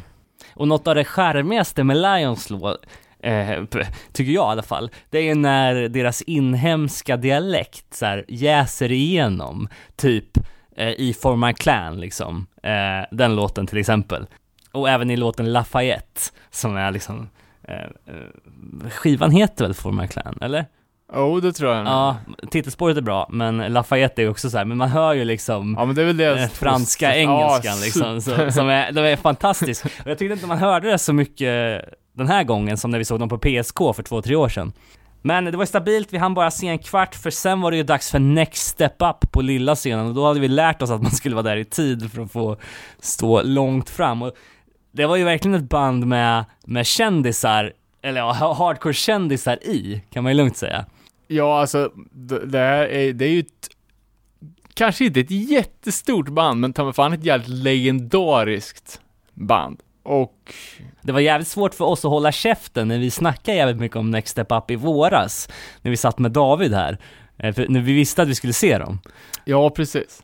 Och hardcore-kändisarna, det, det var ju då Scotty P, eller Scott, vad fan han heter, som så även spelar i våra husgudar Stout. Just det. Eh, och som även spelar med, eh, fan, för i helvete, Slumlords. Jag träffade ju honom sen, eh, när han eh, var på väg till Youth of Today-spelningen med en bärs. Följaktligen var drunk at the Youth of Today reunion. Hur som helst, Next Step Up, bandet som är väl det största Baltimore hardcore-bandet från 90-talet som vi har snackat mycket om. Men det är ju också ett band som i princip uppfann hardcore, eller hård hardcore, alltså det som Hatebreed sen gjorde på slutet på 90-talet. Mm. 2000-talet. Eh, Så det är ju, alltså de, vad vad- kommer fram till? Att de bara spelar 91, så det är ju inga ynglingar. Nej. Men satan vilken leverans alltså. Ja, sjukt bra. Eh, Det var ju även eh, basisten från Stout också va?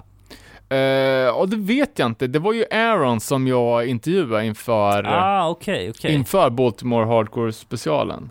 Men man visste ju att det skulle bli hårt när man såg Wemma från Knuckle Dust titta fram på sidan av scenen. Ja, nej men eh, jag gjorde ju en liten marknadsundersökning på Instagram sen efter festivalen, frågade liksom, alltså det var ju bara folk som jag inte känner som svarade. ja, Eh, och det var ju, nej alltså, nio av tio hade ju Next Step Up-giget som bästa spelning. ja, Och det var ju fan alltså, den scenen, den peppen, ja. Alltså, ja, det var fan jävligt bra. Och de lirade ett par benhårda covers också. Precis, och det var ju jävligt kul, för som, som sagt, eh, eh, Next Step Up bildades 91.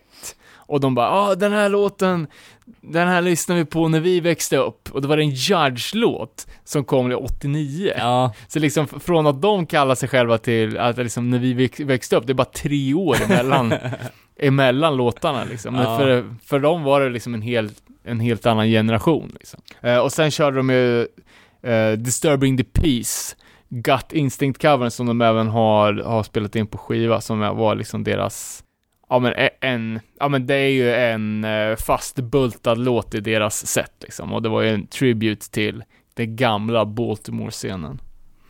Eh, så ja, de gjorde ett jävligt, jävligt bra, det var tight som fan, stenhårt, jävligt mycket pepp och sen som sagt på, på en liten scen, så det var väl en av de spelningar som kändes mest som ett riktigt, alltså legit hardcore klubbspelning. ja men verkligen.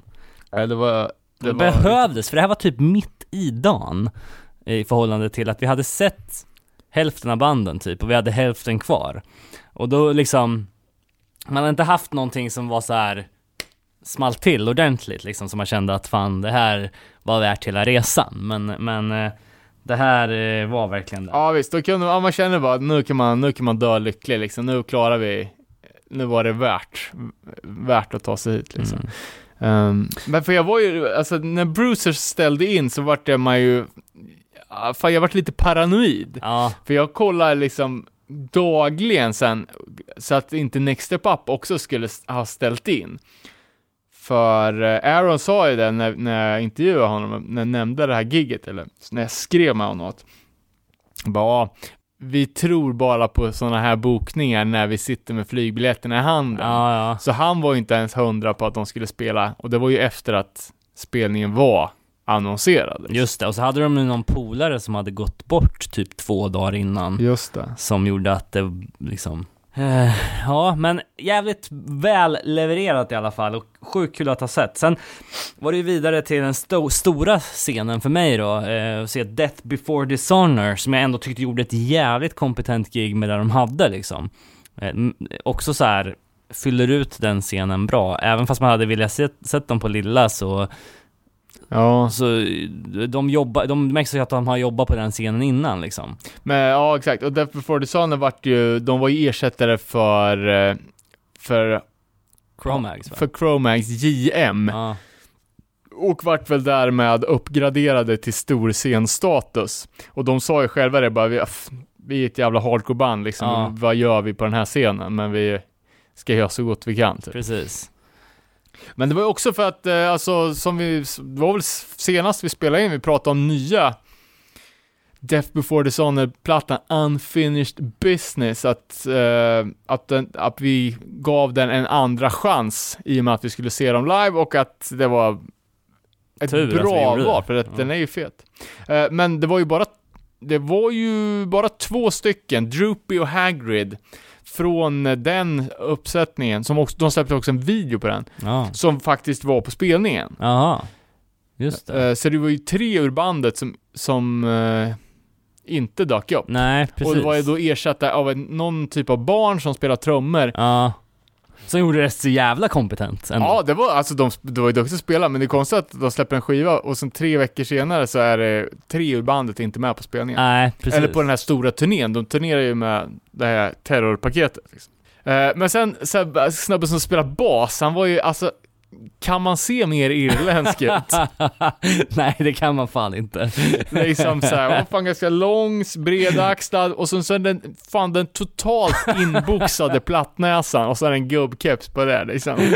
Ja, så jävla Boston alltså. Ja, för fan. Eh, Nej, det var kul att se fan. Ja, det var bra. Och Det det, ja, de kör, körde ju, de har ju jävligt mycket bra låtar. Mm. Jag tycker inte att de körde eh, kanske mina favoritlåtar, men jag är ju jävligt förtjust i de riktigt gamla låtarna. Mm. Eh, som, som är lite mer gruff. Det senare blir lite mer åt uh, catchy hardcore blood for Ja, blood exakt. stuket. Sen tycker jag faktiskt att det var lite blasé mellansnack. Alltså lite så här, hur mår ni i Holland? Ja, precis, grejer som inte precis. hör hemma på en hardcore-spelning. Men eh, fan, klart, klart positiv upplevelse skulle jag se dem i, under rätt, alltså de senaste lätt fyra, fem gångerna, eller i alla fall tre gångerna jag sett dem så har det, har det varit fel förutsättningar. Okej. fel, eh, fel ställe, fel publik. Liksom. Ja, ja precis. Så kanske om, om de går ner sig lite och, och måste ta ruttna gig igen så kanske det blir bra. Ja men precis, men de har ju en förmåga att hoppa på de här stora turnépaketen liksom. Och då, då får man ju oftast en Ja. jävligt mycket större scen och en del skit med på köpet. Ja, nej men ja, de ligger ju på Bridge 9 och de har ju säkert ett bokningsbolag som, och de vill, alltså de kan väl inte göra något annat. De är väl kriminella, IQ-befriade jävla Boxarnäsor. gruffare liksom, så de får de kommer ju kuska runt i minibuss tills de dör liksom. Eh, sen, jag, jag såg inte No Turning Back, gjorde du det? Nej. Och jag hörde att det var ett jävla fett gig alltså, men eh, man, någon gång ska man ju käka också. Ja, ja det är, så- alltså no, no turning back är fan, hur många gånger har man missat dem på grund av mat? och sen också att det krockar med Next Step Up, eh, ganska mycket. Ja, gjorde det? Ja. Fan vad, vad tragiskt för no turning back. Ja. Och där har vi, fan kan jag snacka om, de har ju fan åkt, de har blazat i en minibuss i Europa i 25 år nu tror jag. Minst 20 år i alla fall. ja, och de har ju fan. fan harvat så jävla mycket. Och de får ju inget för det, för det finns ingenting att klaga på. Nej. Skitbra musik, snygga grejer, Ja. bra fan. Men intresset är ju fan zero alltså. Ja, verkligen. Tyvärr. Jag har massor med skivor med dem som jag fan aldrig har spelat liksom. Det är väl sångaren som driver, eh, är det MAD Tour Bookings? Eller, Det vet jag inte. eller något av dem? Fan. Ja. Ja, det låter skam. Det kan det vara. Jag tänkte att MAD var äh, äh, 60-åriga gamla squatpunkare från... Ja, men det kanske inte är det, men det är något av de här jävla, eh, som man alltid får mail. Om man någon gång haft en arrangörsförening så har man fått mail från typ, eh, från hans, eh, All right. Ja, ja, fan. Det kan säkert stämma. Jag har bara aldrig sånt där. på det. Men eh, ja, eh, vidare då. Eh, nästa band, Outburst. Eh, och det var ju så här det, beryktade omslaget och de obefintliga just, eller så, så här dagsfärska bilderna på, på personerna i banden liksom. Har, Precis. har de åldrats väl? Ja, och vi, hade, ju- vi har fortfarande inte kollat upp huruvida de har, hur mycket de har spelat sen, Nej. sen 89 när de släppte si, sista, sista låten. Men hur som helst så var det ju första gången i Europa, 30 år senare, vilket de, vilket de tydligt påpekade. Och det här var ju jävligt kul, alltså jag var ju på plats, i, det var du också, i god tid innan, så man skulle få en fin spot längst fram, för jag trodde verkligen att det här kommer bli den största peppen på hela festivalen. Liksom. Så pass klassiskt band och som eh, har spelat, eh, ja, som sagt, inte i Europa förut liksom. Och det är precis i rätt tid när deras typ av new hardcore är som mest poppis någonsin ja, säga. verkligen. Eh, Men då var ju, de började de ju liksom äntra scenen och man fattar liksom inte riktigt vem som var vem, för var, nu börjar det vara jävligt mycket liksom så här eh, stage potatoes. så man fattar inte riktigt vem som var i bandet och vem som bara var där och hängde liksom. Man kunde ju känna igen trummisen, kände man igen. Han såg fan exakt ut som på, på skivan. Några kilo tyngre. men- Ja, det är sant. Men det är ju alltså en glad asiat med, med flint typ. Alltså exakt som på skivan. Så jävla likt. Eh, Sen visade det sig att Mike Dion, Dijon-senapens eh, framkämpe nummer ett, skulle spela gitarr. Han har ju aldrig lirat med dem vad jag vet. Han är inte med på skivan i alla fall. Eh, Och han var väl den liksom neocarcore-gitarristen som var med på den tiden som kan ersätta de två gitarristerna som spelade i Outburst eh, när det begav sig. Och jävlar vad plats han tog under Ja men alltså folk började liksom, när de såg att han skulle upp på scenen, då kom ju folk fram liksom, skulle ta selfies och typ skaka hand och Ja. det vart ju liksom en jävla uppståndelse. Och för folk som inte har koll då, vilka andra band är han med i? Jag ska säga Crown of Thorns och Breakdown är väl hans, men han har spelat i massor med band. Mm. Men det är de jag skulle dra off the bat liksom, att det är hans storhets... Legend helt enkelt. Ja, som fan. Han har spelat med massor med band.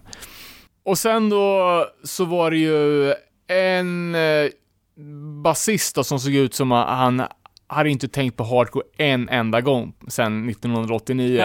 Han var eh, som en riktig jävla gubbe, kontorsrotta. Eh, men som, man såg att han var ju fortfarande jävligt duktig, eller han var ju duktig basist. Så han har ju säkert spelat liksom i deras kyrka, liksom. back- Eller företagets coverband. Ja, eh, företagets coverband och i kyrkan på söndagar, kompat kören liksom, så här, spela med fingrarna. Eh, sångaren däremot, han hade ju inte varit i kyrkan många gånger. Han, har- han har inte varit utanför pojkrummet. han, han har ju inte varit, han har inte varit inomhus på 30 år, han såg ju hemlös ut. Ja, men så här, eh, liksom, eh, den här jävla mössan liksom, som man inte har sett sen, sen liksom Grunge-tiden. 90 Ja, exakt så här. Den här riktigt, eh, nästan, alltså så här, man kan se folk med rasta har ju en sån mössa. Ex, alltså oversized beanie. ja, exakt. Ja men det var så, så, så Terry Hakonsson snowboardmössa. Ja, men precis. Nej, jag såg, alltså såg, såg alla hemlösa ut liksom. Så här, trasiga cargobrallor, någon jävla kofta, så här, massa hår. Så skitstor... eh, Och drog ner, alltså ju längre spelningen gick, desto längre ner drog han mössan. Ja, det var ju som Mike Muir, liksom sikt noll. ja, verkligen. Eh, så det, det var ju liksom, det var ett jävla brokigt gäng som äntrade scenen liksom.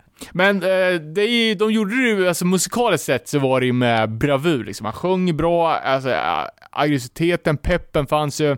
Ja, men jag tyckte det var lite risigt i början. Sen blev det bättre. Ja. De växte in i det på något vis alltså. Framåt slutet så var det ju fan stökigt alltså. Men i, i början så var det mer så här, typ, de gick, de gick inte på till något intro.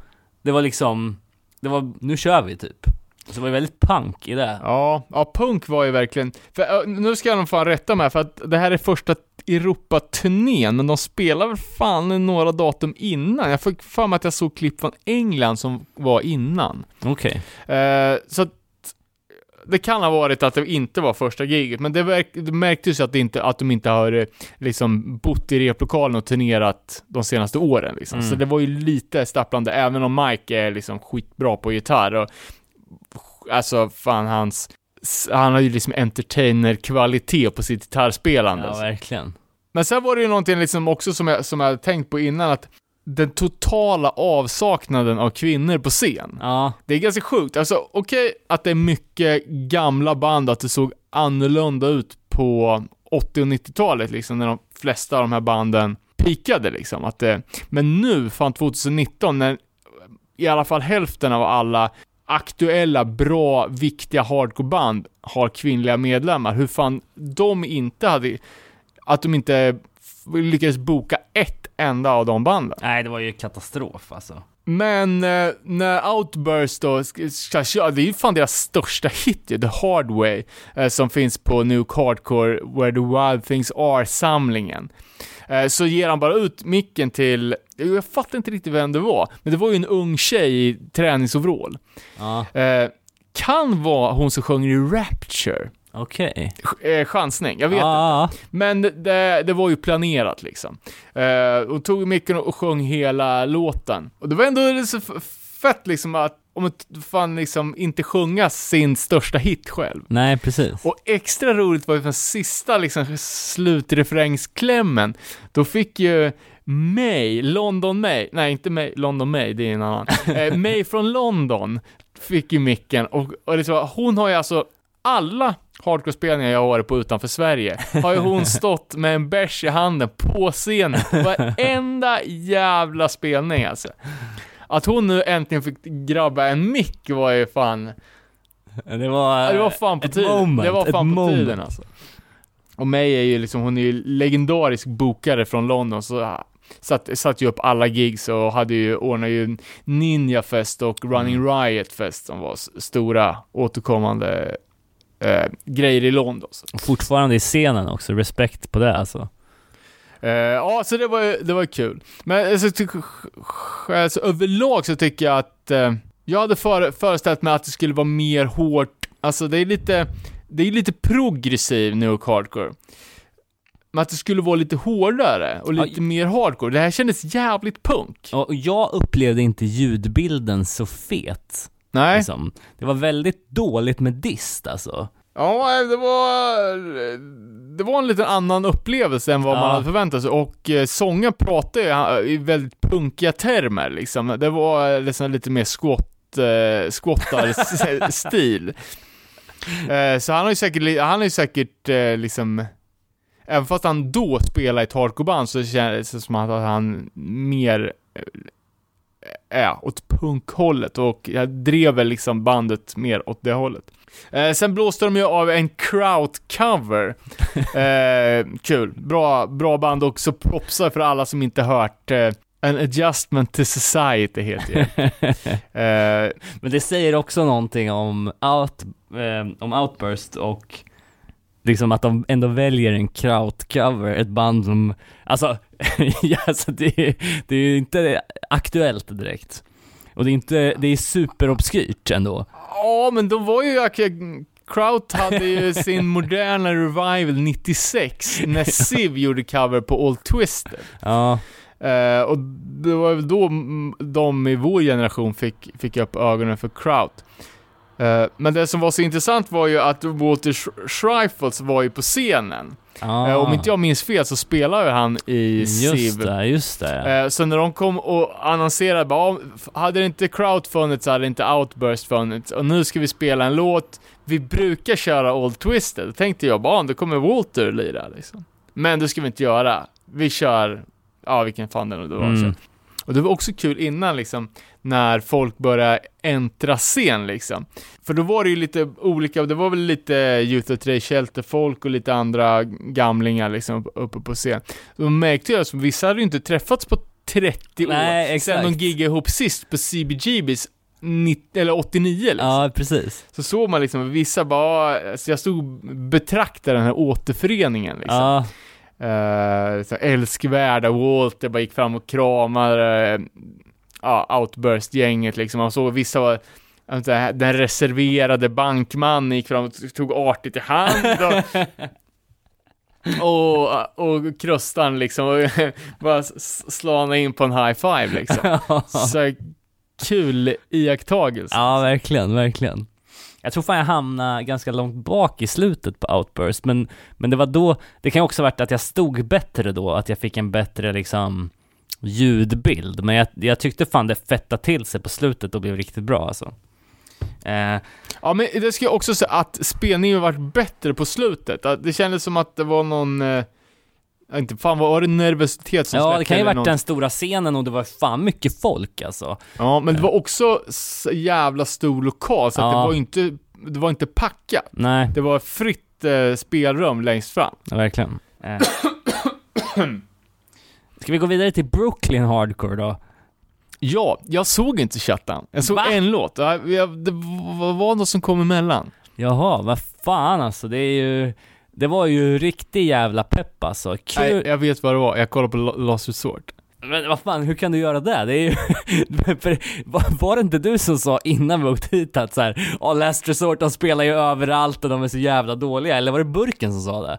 Ja, det var nog han tror jag. Eh, Jag vet inte, jag, jag har ju aldrig sett Shutdown och jag har sett Last Resort, så valet var ju dömt. Men jag tror att eh, vi precis hade kommit på att man kunde stå på balkongen och se skitbra. Just det.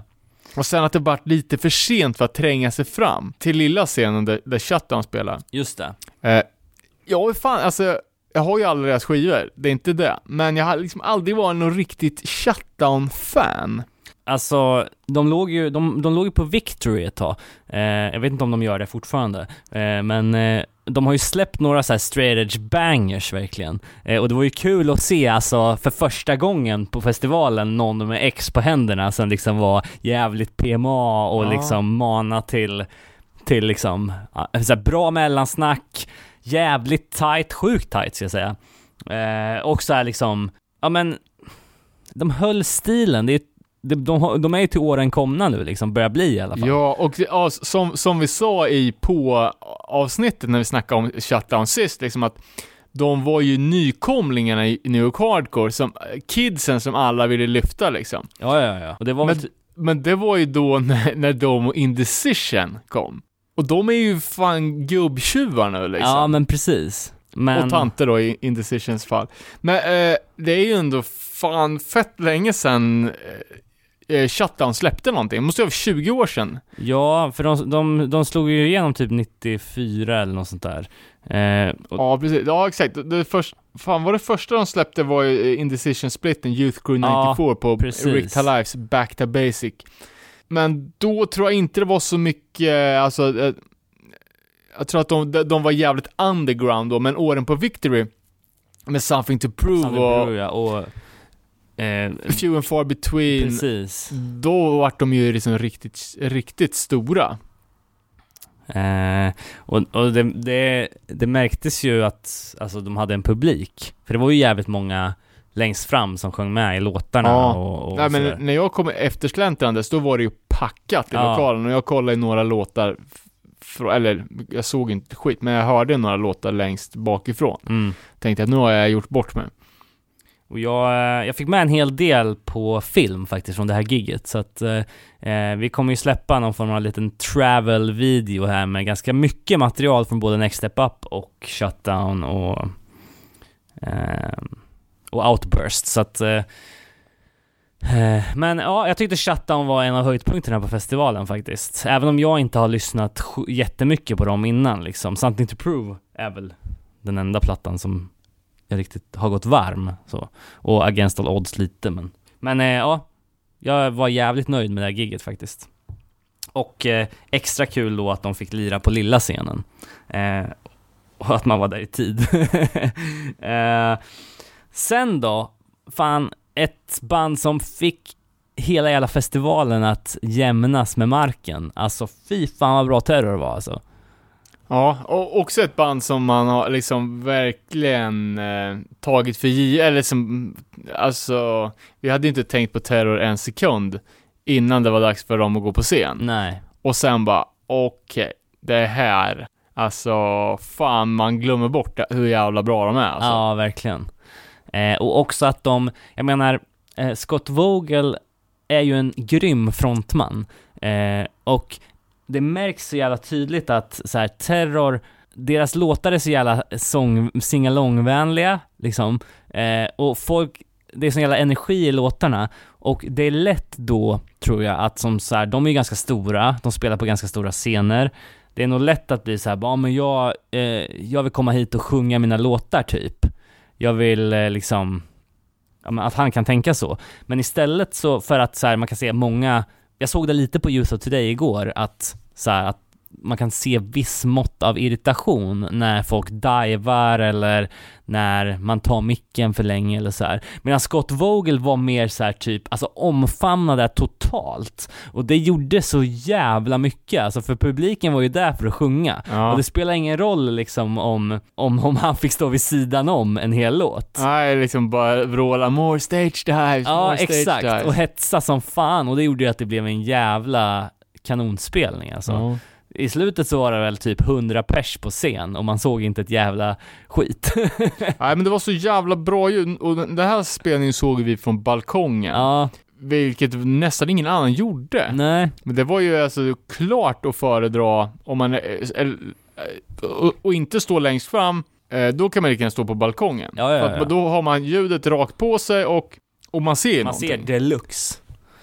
Eh, nej men det var så jävla leverans alltså. De har ju så, så sjukt mycket låtar. Men eh, sen så kunde man ju alla och Ja. det var och de, bra. de, deras setlista är ändå så här vad folk vill höra. Liksom. Ja, nej, men det var nog inte så mycket från de här senaste 12 förlängdarna. precis.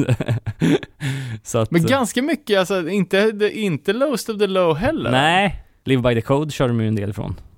Eh, så att, men eh, grym spelning i alla fall och eh, det var väl eh, liksom välbehövligt för oss att vi fick stå där längst bak och njuta av det. Sen tänkte vi, ja, eh, nu är det, får vi välja mellan The Crack eller Bouncing Souls och jag hade ju sett fram jävligt mycket från, oss på att se Bouncing Souls som ute på någon sån här 30-års jubileumturné eh, har mycket Är det här, 30 år? Ja, Fan vad sjukt. och har mycket så här eh, singalong-vänliga låtar. Verkligen. Jag, jag lyssnar mer på Bouncing Souls senaste veckan än vad jag lyssnar på dem i hela mitt liv. Ja, Eller exakt. senaste ha- halvåret i alla fall. Men sen är man ju alltid lite orolig så här, bara, ja, men okej, det var 15 år sedan jag lyssnade på Bouncing Souls. Kommer det nu vara liksom bara nya låtar eller, eller hur kommer det bli?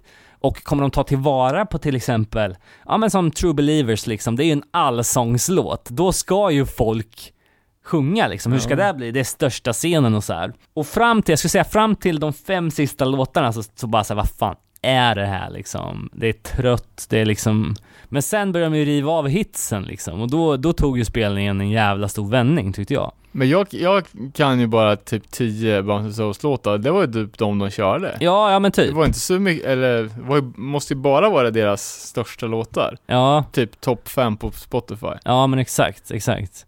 Och det var ju perfekt, för det är ju de enda man har Utom hört. Olé-låten då, tyvärr. Ja, det är helt sjukt hur de kan göra så här. Alltså bara ta de mest, Triviala jävla huliganramsorna. ja, och sen göra en låt av det. ja, De har både Olé, Olé, Olé och sen har de väl, vad fan, vilken har de mer? Bouncing Souls, just ja, nej men vad fan, Bouncing Souls överlag då, det tog sig på slutet även där då kan man säga. Precis som Outburst. jag, jag tycker att de spelar för snabbt. ja, Men de har de, det är så jävla singalong eh, baserat och det, det tar sig inte, eller det blir inte bättre av att de spelar snabbare. Det blir snar, snarare bara otydligare hooks liksom. Ja.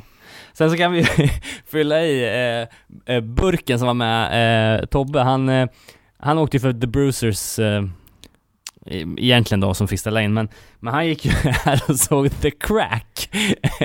och där var ju sinnesstämningen lite av vad bandnamnet antyder, det vill säga det första han sa när han kom därifrån bara är sångaren dement? Eller vad han sa något sånt där. Ja men så jag började seriöst fundera på om man hade supit sig till delirium för att det var som jävla långvårdsavdelning uppe på scen. Ja, det var... Det var tr- trötta, äh, trötta gubbar som spelar fel.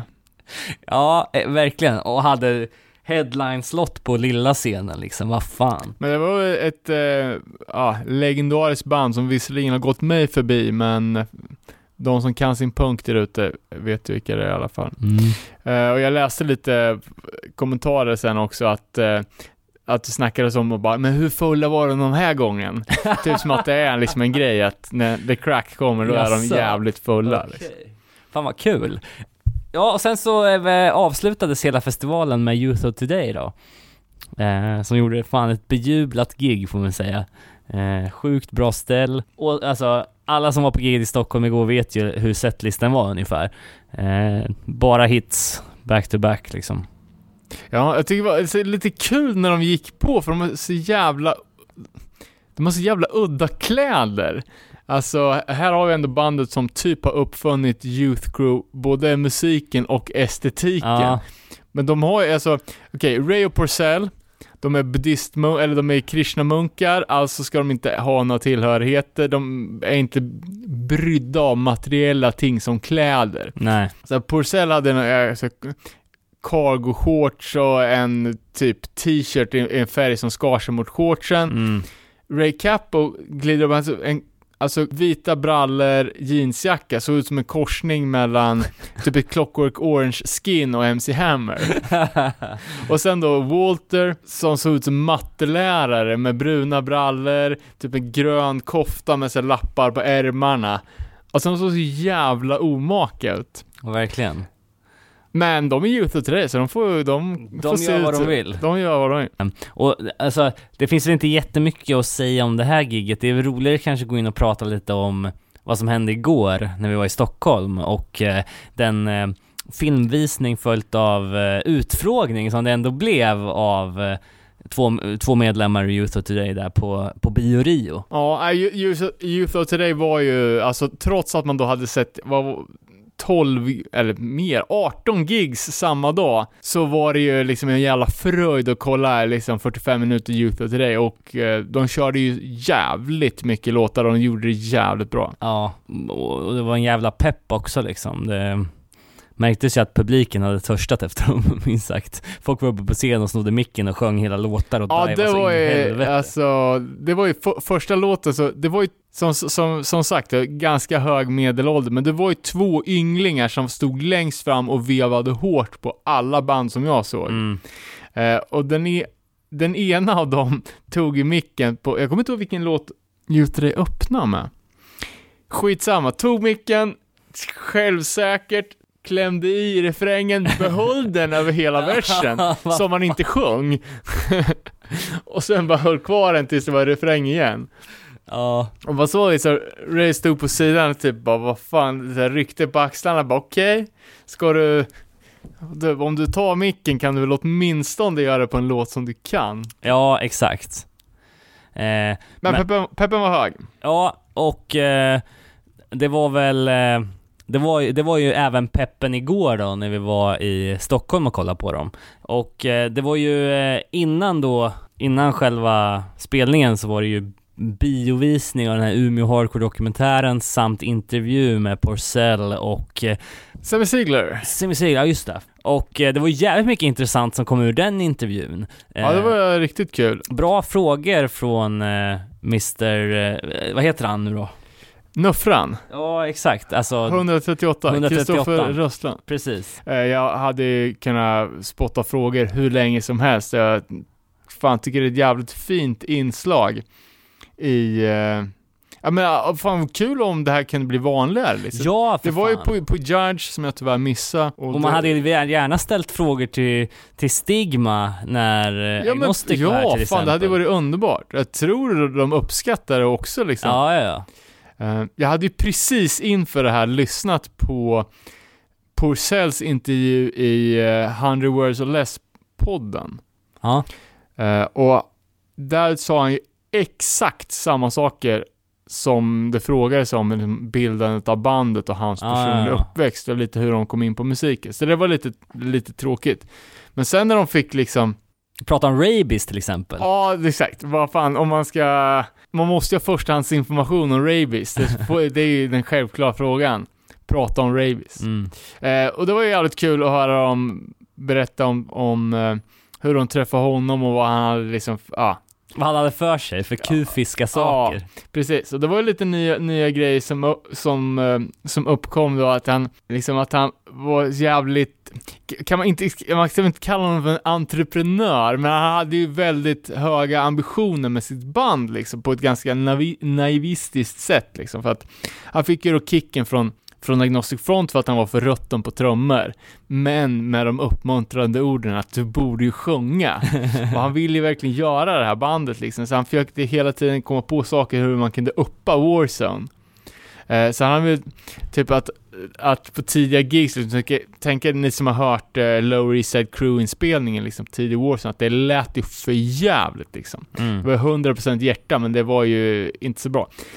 Men att de då typ så här hade rökmaskin på scen, och man ser ju liksom framför sig hur han liksom hade gått eh, vid något jävla så här, utbränt disco på Lower East Side rotat i container och snott med sig någon rökmaskin som bara meka ihop hemma så de skulle ha, han hade så här, övertalat, det var kanske typ någon någon polare som skulle vara dansare på scenen och det är så här dumma grejer, men allting för att liksom bara så här, bygga, Show, liksom. bygga en show av det här liksom fyra 16-åringar som är höga på PCP som ska spela, spela så primal hardcore liksom.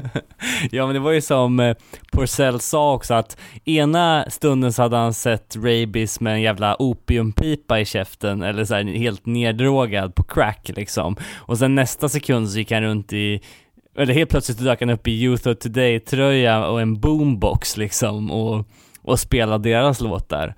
Eh, så det, det känns ju som att det bandet gjorde jävligt stor påverkan på hans liv, liksom rent Ja, nej, ja, men- livsstilsmässigt liksom. Ja, men det var, var ju också lite, lite intressant liksom hur, de, det, hur det har influerats fram och tillbaka liksom för Youth of Day var ju liksom, de var ju visserligen väldigt tidiga, men de var ju av den andra generationen New York Hardcore. Eh, och när Ray och Jordan startade Revelation så, så gjorde de ju det för att hindra Warzone från att lägga ner. Mm. De hade ju hintat om att de skulle göra det och eh, det var väl ett favoritband liksom för, för de yngre i, i scenen liksom och då sa bara, ah, men vi ska starta ett skivbolag, eh, vi kan släppa en sjua med er. Eh, lägg inte ner liksom. Nej, och då startade de Revelation som sen blev vad det blev liksom. Och Ja. det gjorde ju att Warzone tuffade på liksom och liksom blev ett bra band. Mm. Eh, som ett legendariskt band. Eh, men New Hardcore-scenen i början var ju sjukt, det sa ju, det sa ju både Porcell och, och med att det, det var sjukt mycket droger, hårda droger, heroin liksom i, i hardcore-scenen när de började hänga ut på CBGBs liksom, det är 83. Um, och även liksom deras resa in i scenen från, bara, de var helt jävla tokiga hardcore, men de hade liksom inga gemensamma nämnare med liksom den scenen som redan fanns i New York. Som var mycket mer nihilistisk och punk och, och så här. Och de var liksom kids från, från förorterna till New York som hade, som hade hem och som hade, som kom från liksom helt andra för, förhållanden. Men bara som älskar hardcore, men som ändå gjorde sin grej. Ja men precis. Eh, och att det sen liksom vart den grejen som tog över från det gamla gardet som liksom nästan fasades ut. Men vissa, till exempel Agnostic och Warzone-folket anammade de, de nya kidsen och, och många slutade ju också liksom med, med drogerna och eh, anammade straight edge och, och så här. Men nej, vad fan, allt gammalt New York Hardcore är ju hur kul som helst att höra och speciellt när man får höra, höra det från Huvudpersonerna som var där. eller hur? Skitkul. Verkligen, så svinbra initiativ vem det än nu var som anordnade det här från början liksom. Om det var Luger eller om det var Bio Rio, så fan props, props alltså. Och idag är det Shelter, eh, så vi får väl ta emot rapporter därifrån och så får vi hem och smida planer på nästkommande avsnitt. Vi har ju någon idé om att eh, gräva oss lite djupare i eh, texter och eh, sjuka teorier. Ja, men så band med lite udda hjärtefrågor eller så udda teorier. Ja men verkligen. Eh, vad, vad det nu kan innefatta. Vi har inte riktigt spesat det här, men det jag vet inte, Born from Pain gav sig in i Zeitgeist-debatten. Ja, exakt. Det har man inte hört så mycket om sen den filmen kom. Nej, precis. Um, och vad kan det mer vara? Ja, vad vi, vi, får, vi får fundera lite Vi på har det. några uppslag. Svart Parads antitravlåt, det är också lite såhär udda Ja, hjärtefråga. precis. Eh, och så är det någon där ute som sitter på något, något bra exempel på band som sjunger om, eller som har väldigt specifika teorier, Så, eh, så får ni hojta. verkligen. Det kan bli kul. Ja, ni hittar ju oss på att nere på noll på Instagram, nere på noll podcast på Facebook, eller så är det bara att mejla oss på nerepanoll at gmail.com. Och så säger jag och Danne tack för den här gången. Hoppas att vi har David med oss nästa gång när vi ska snacka knasiga idéer. Jajamän. Ha Vi det. hörs. Tja.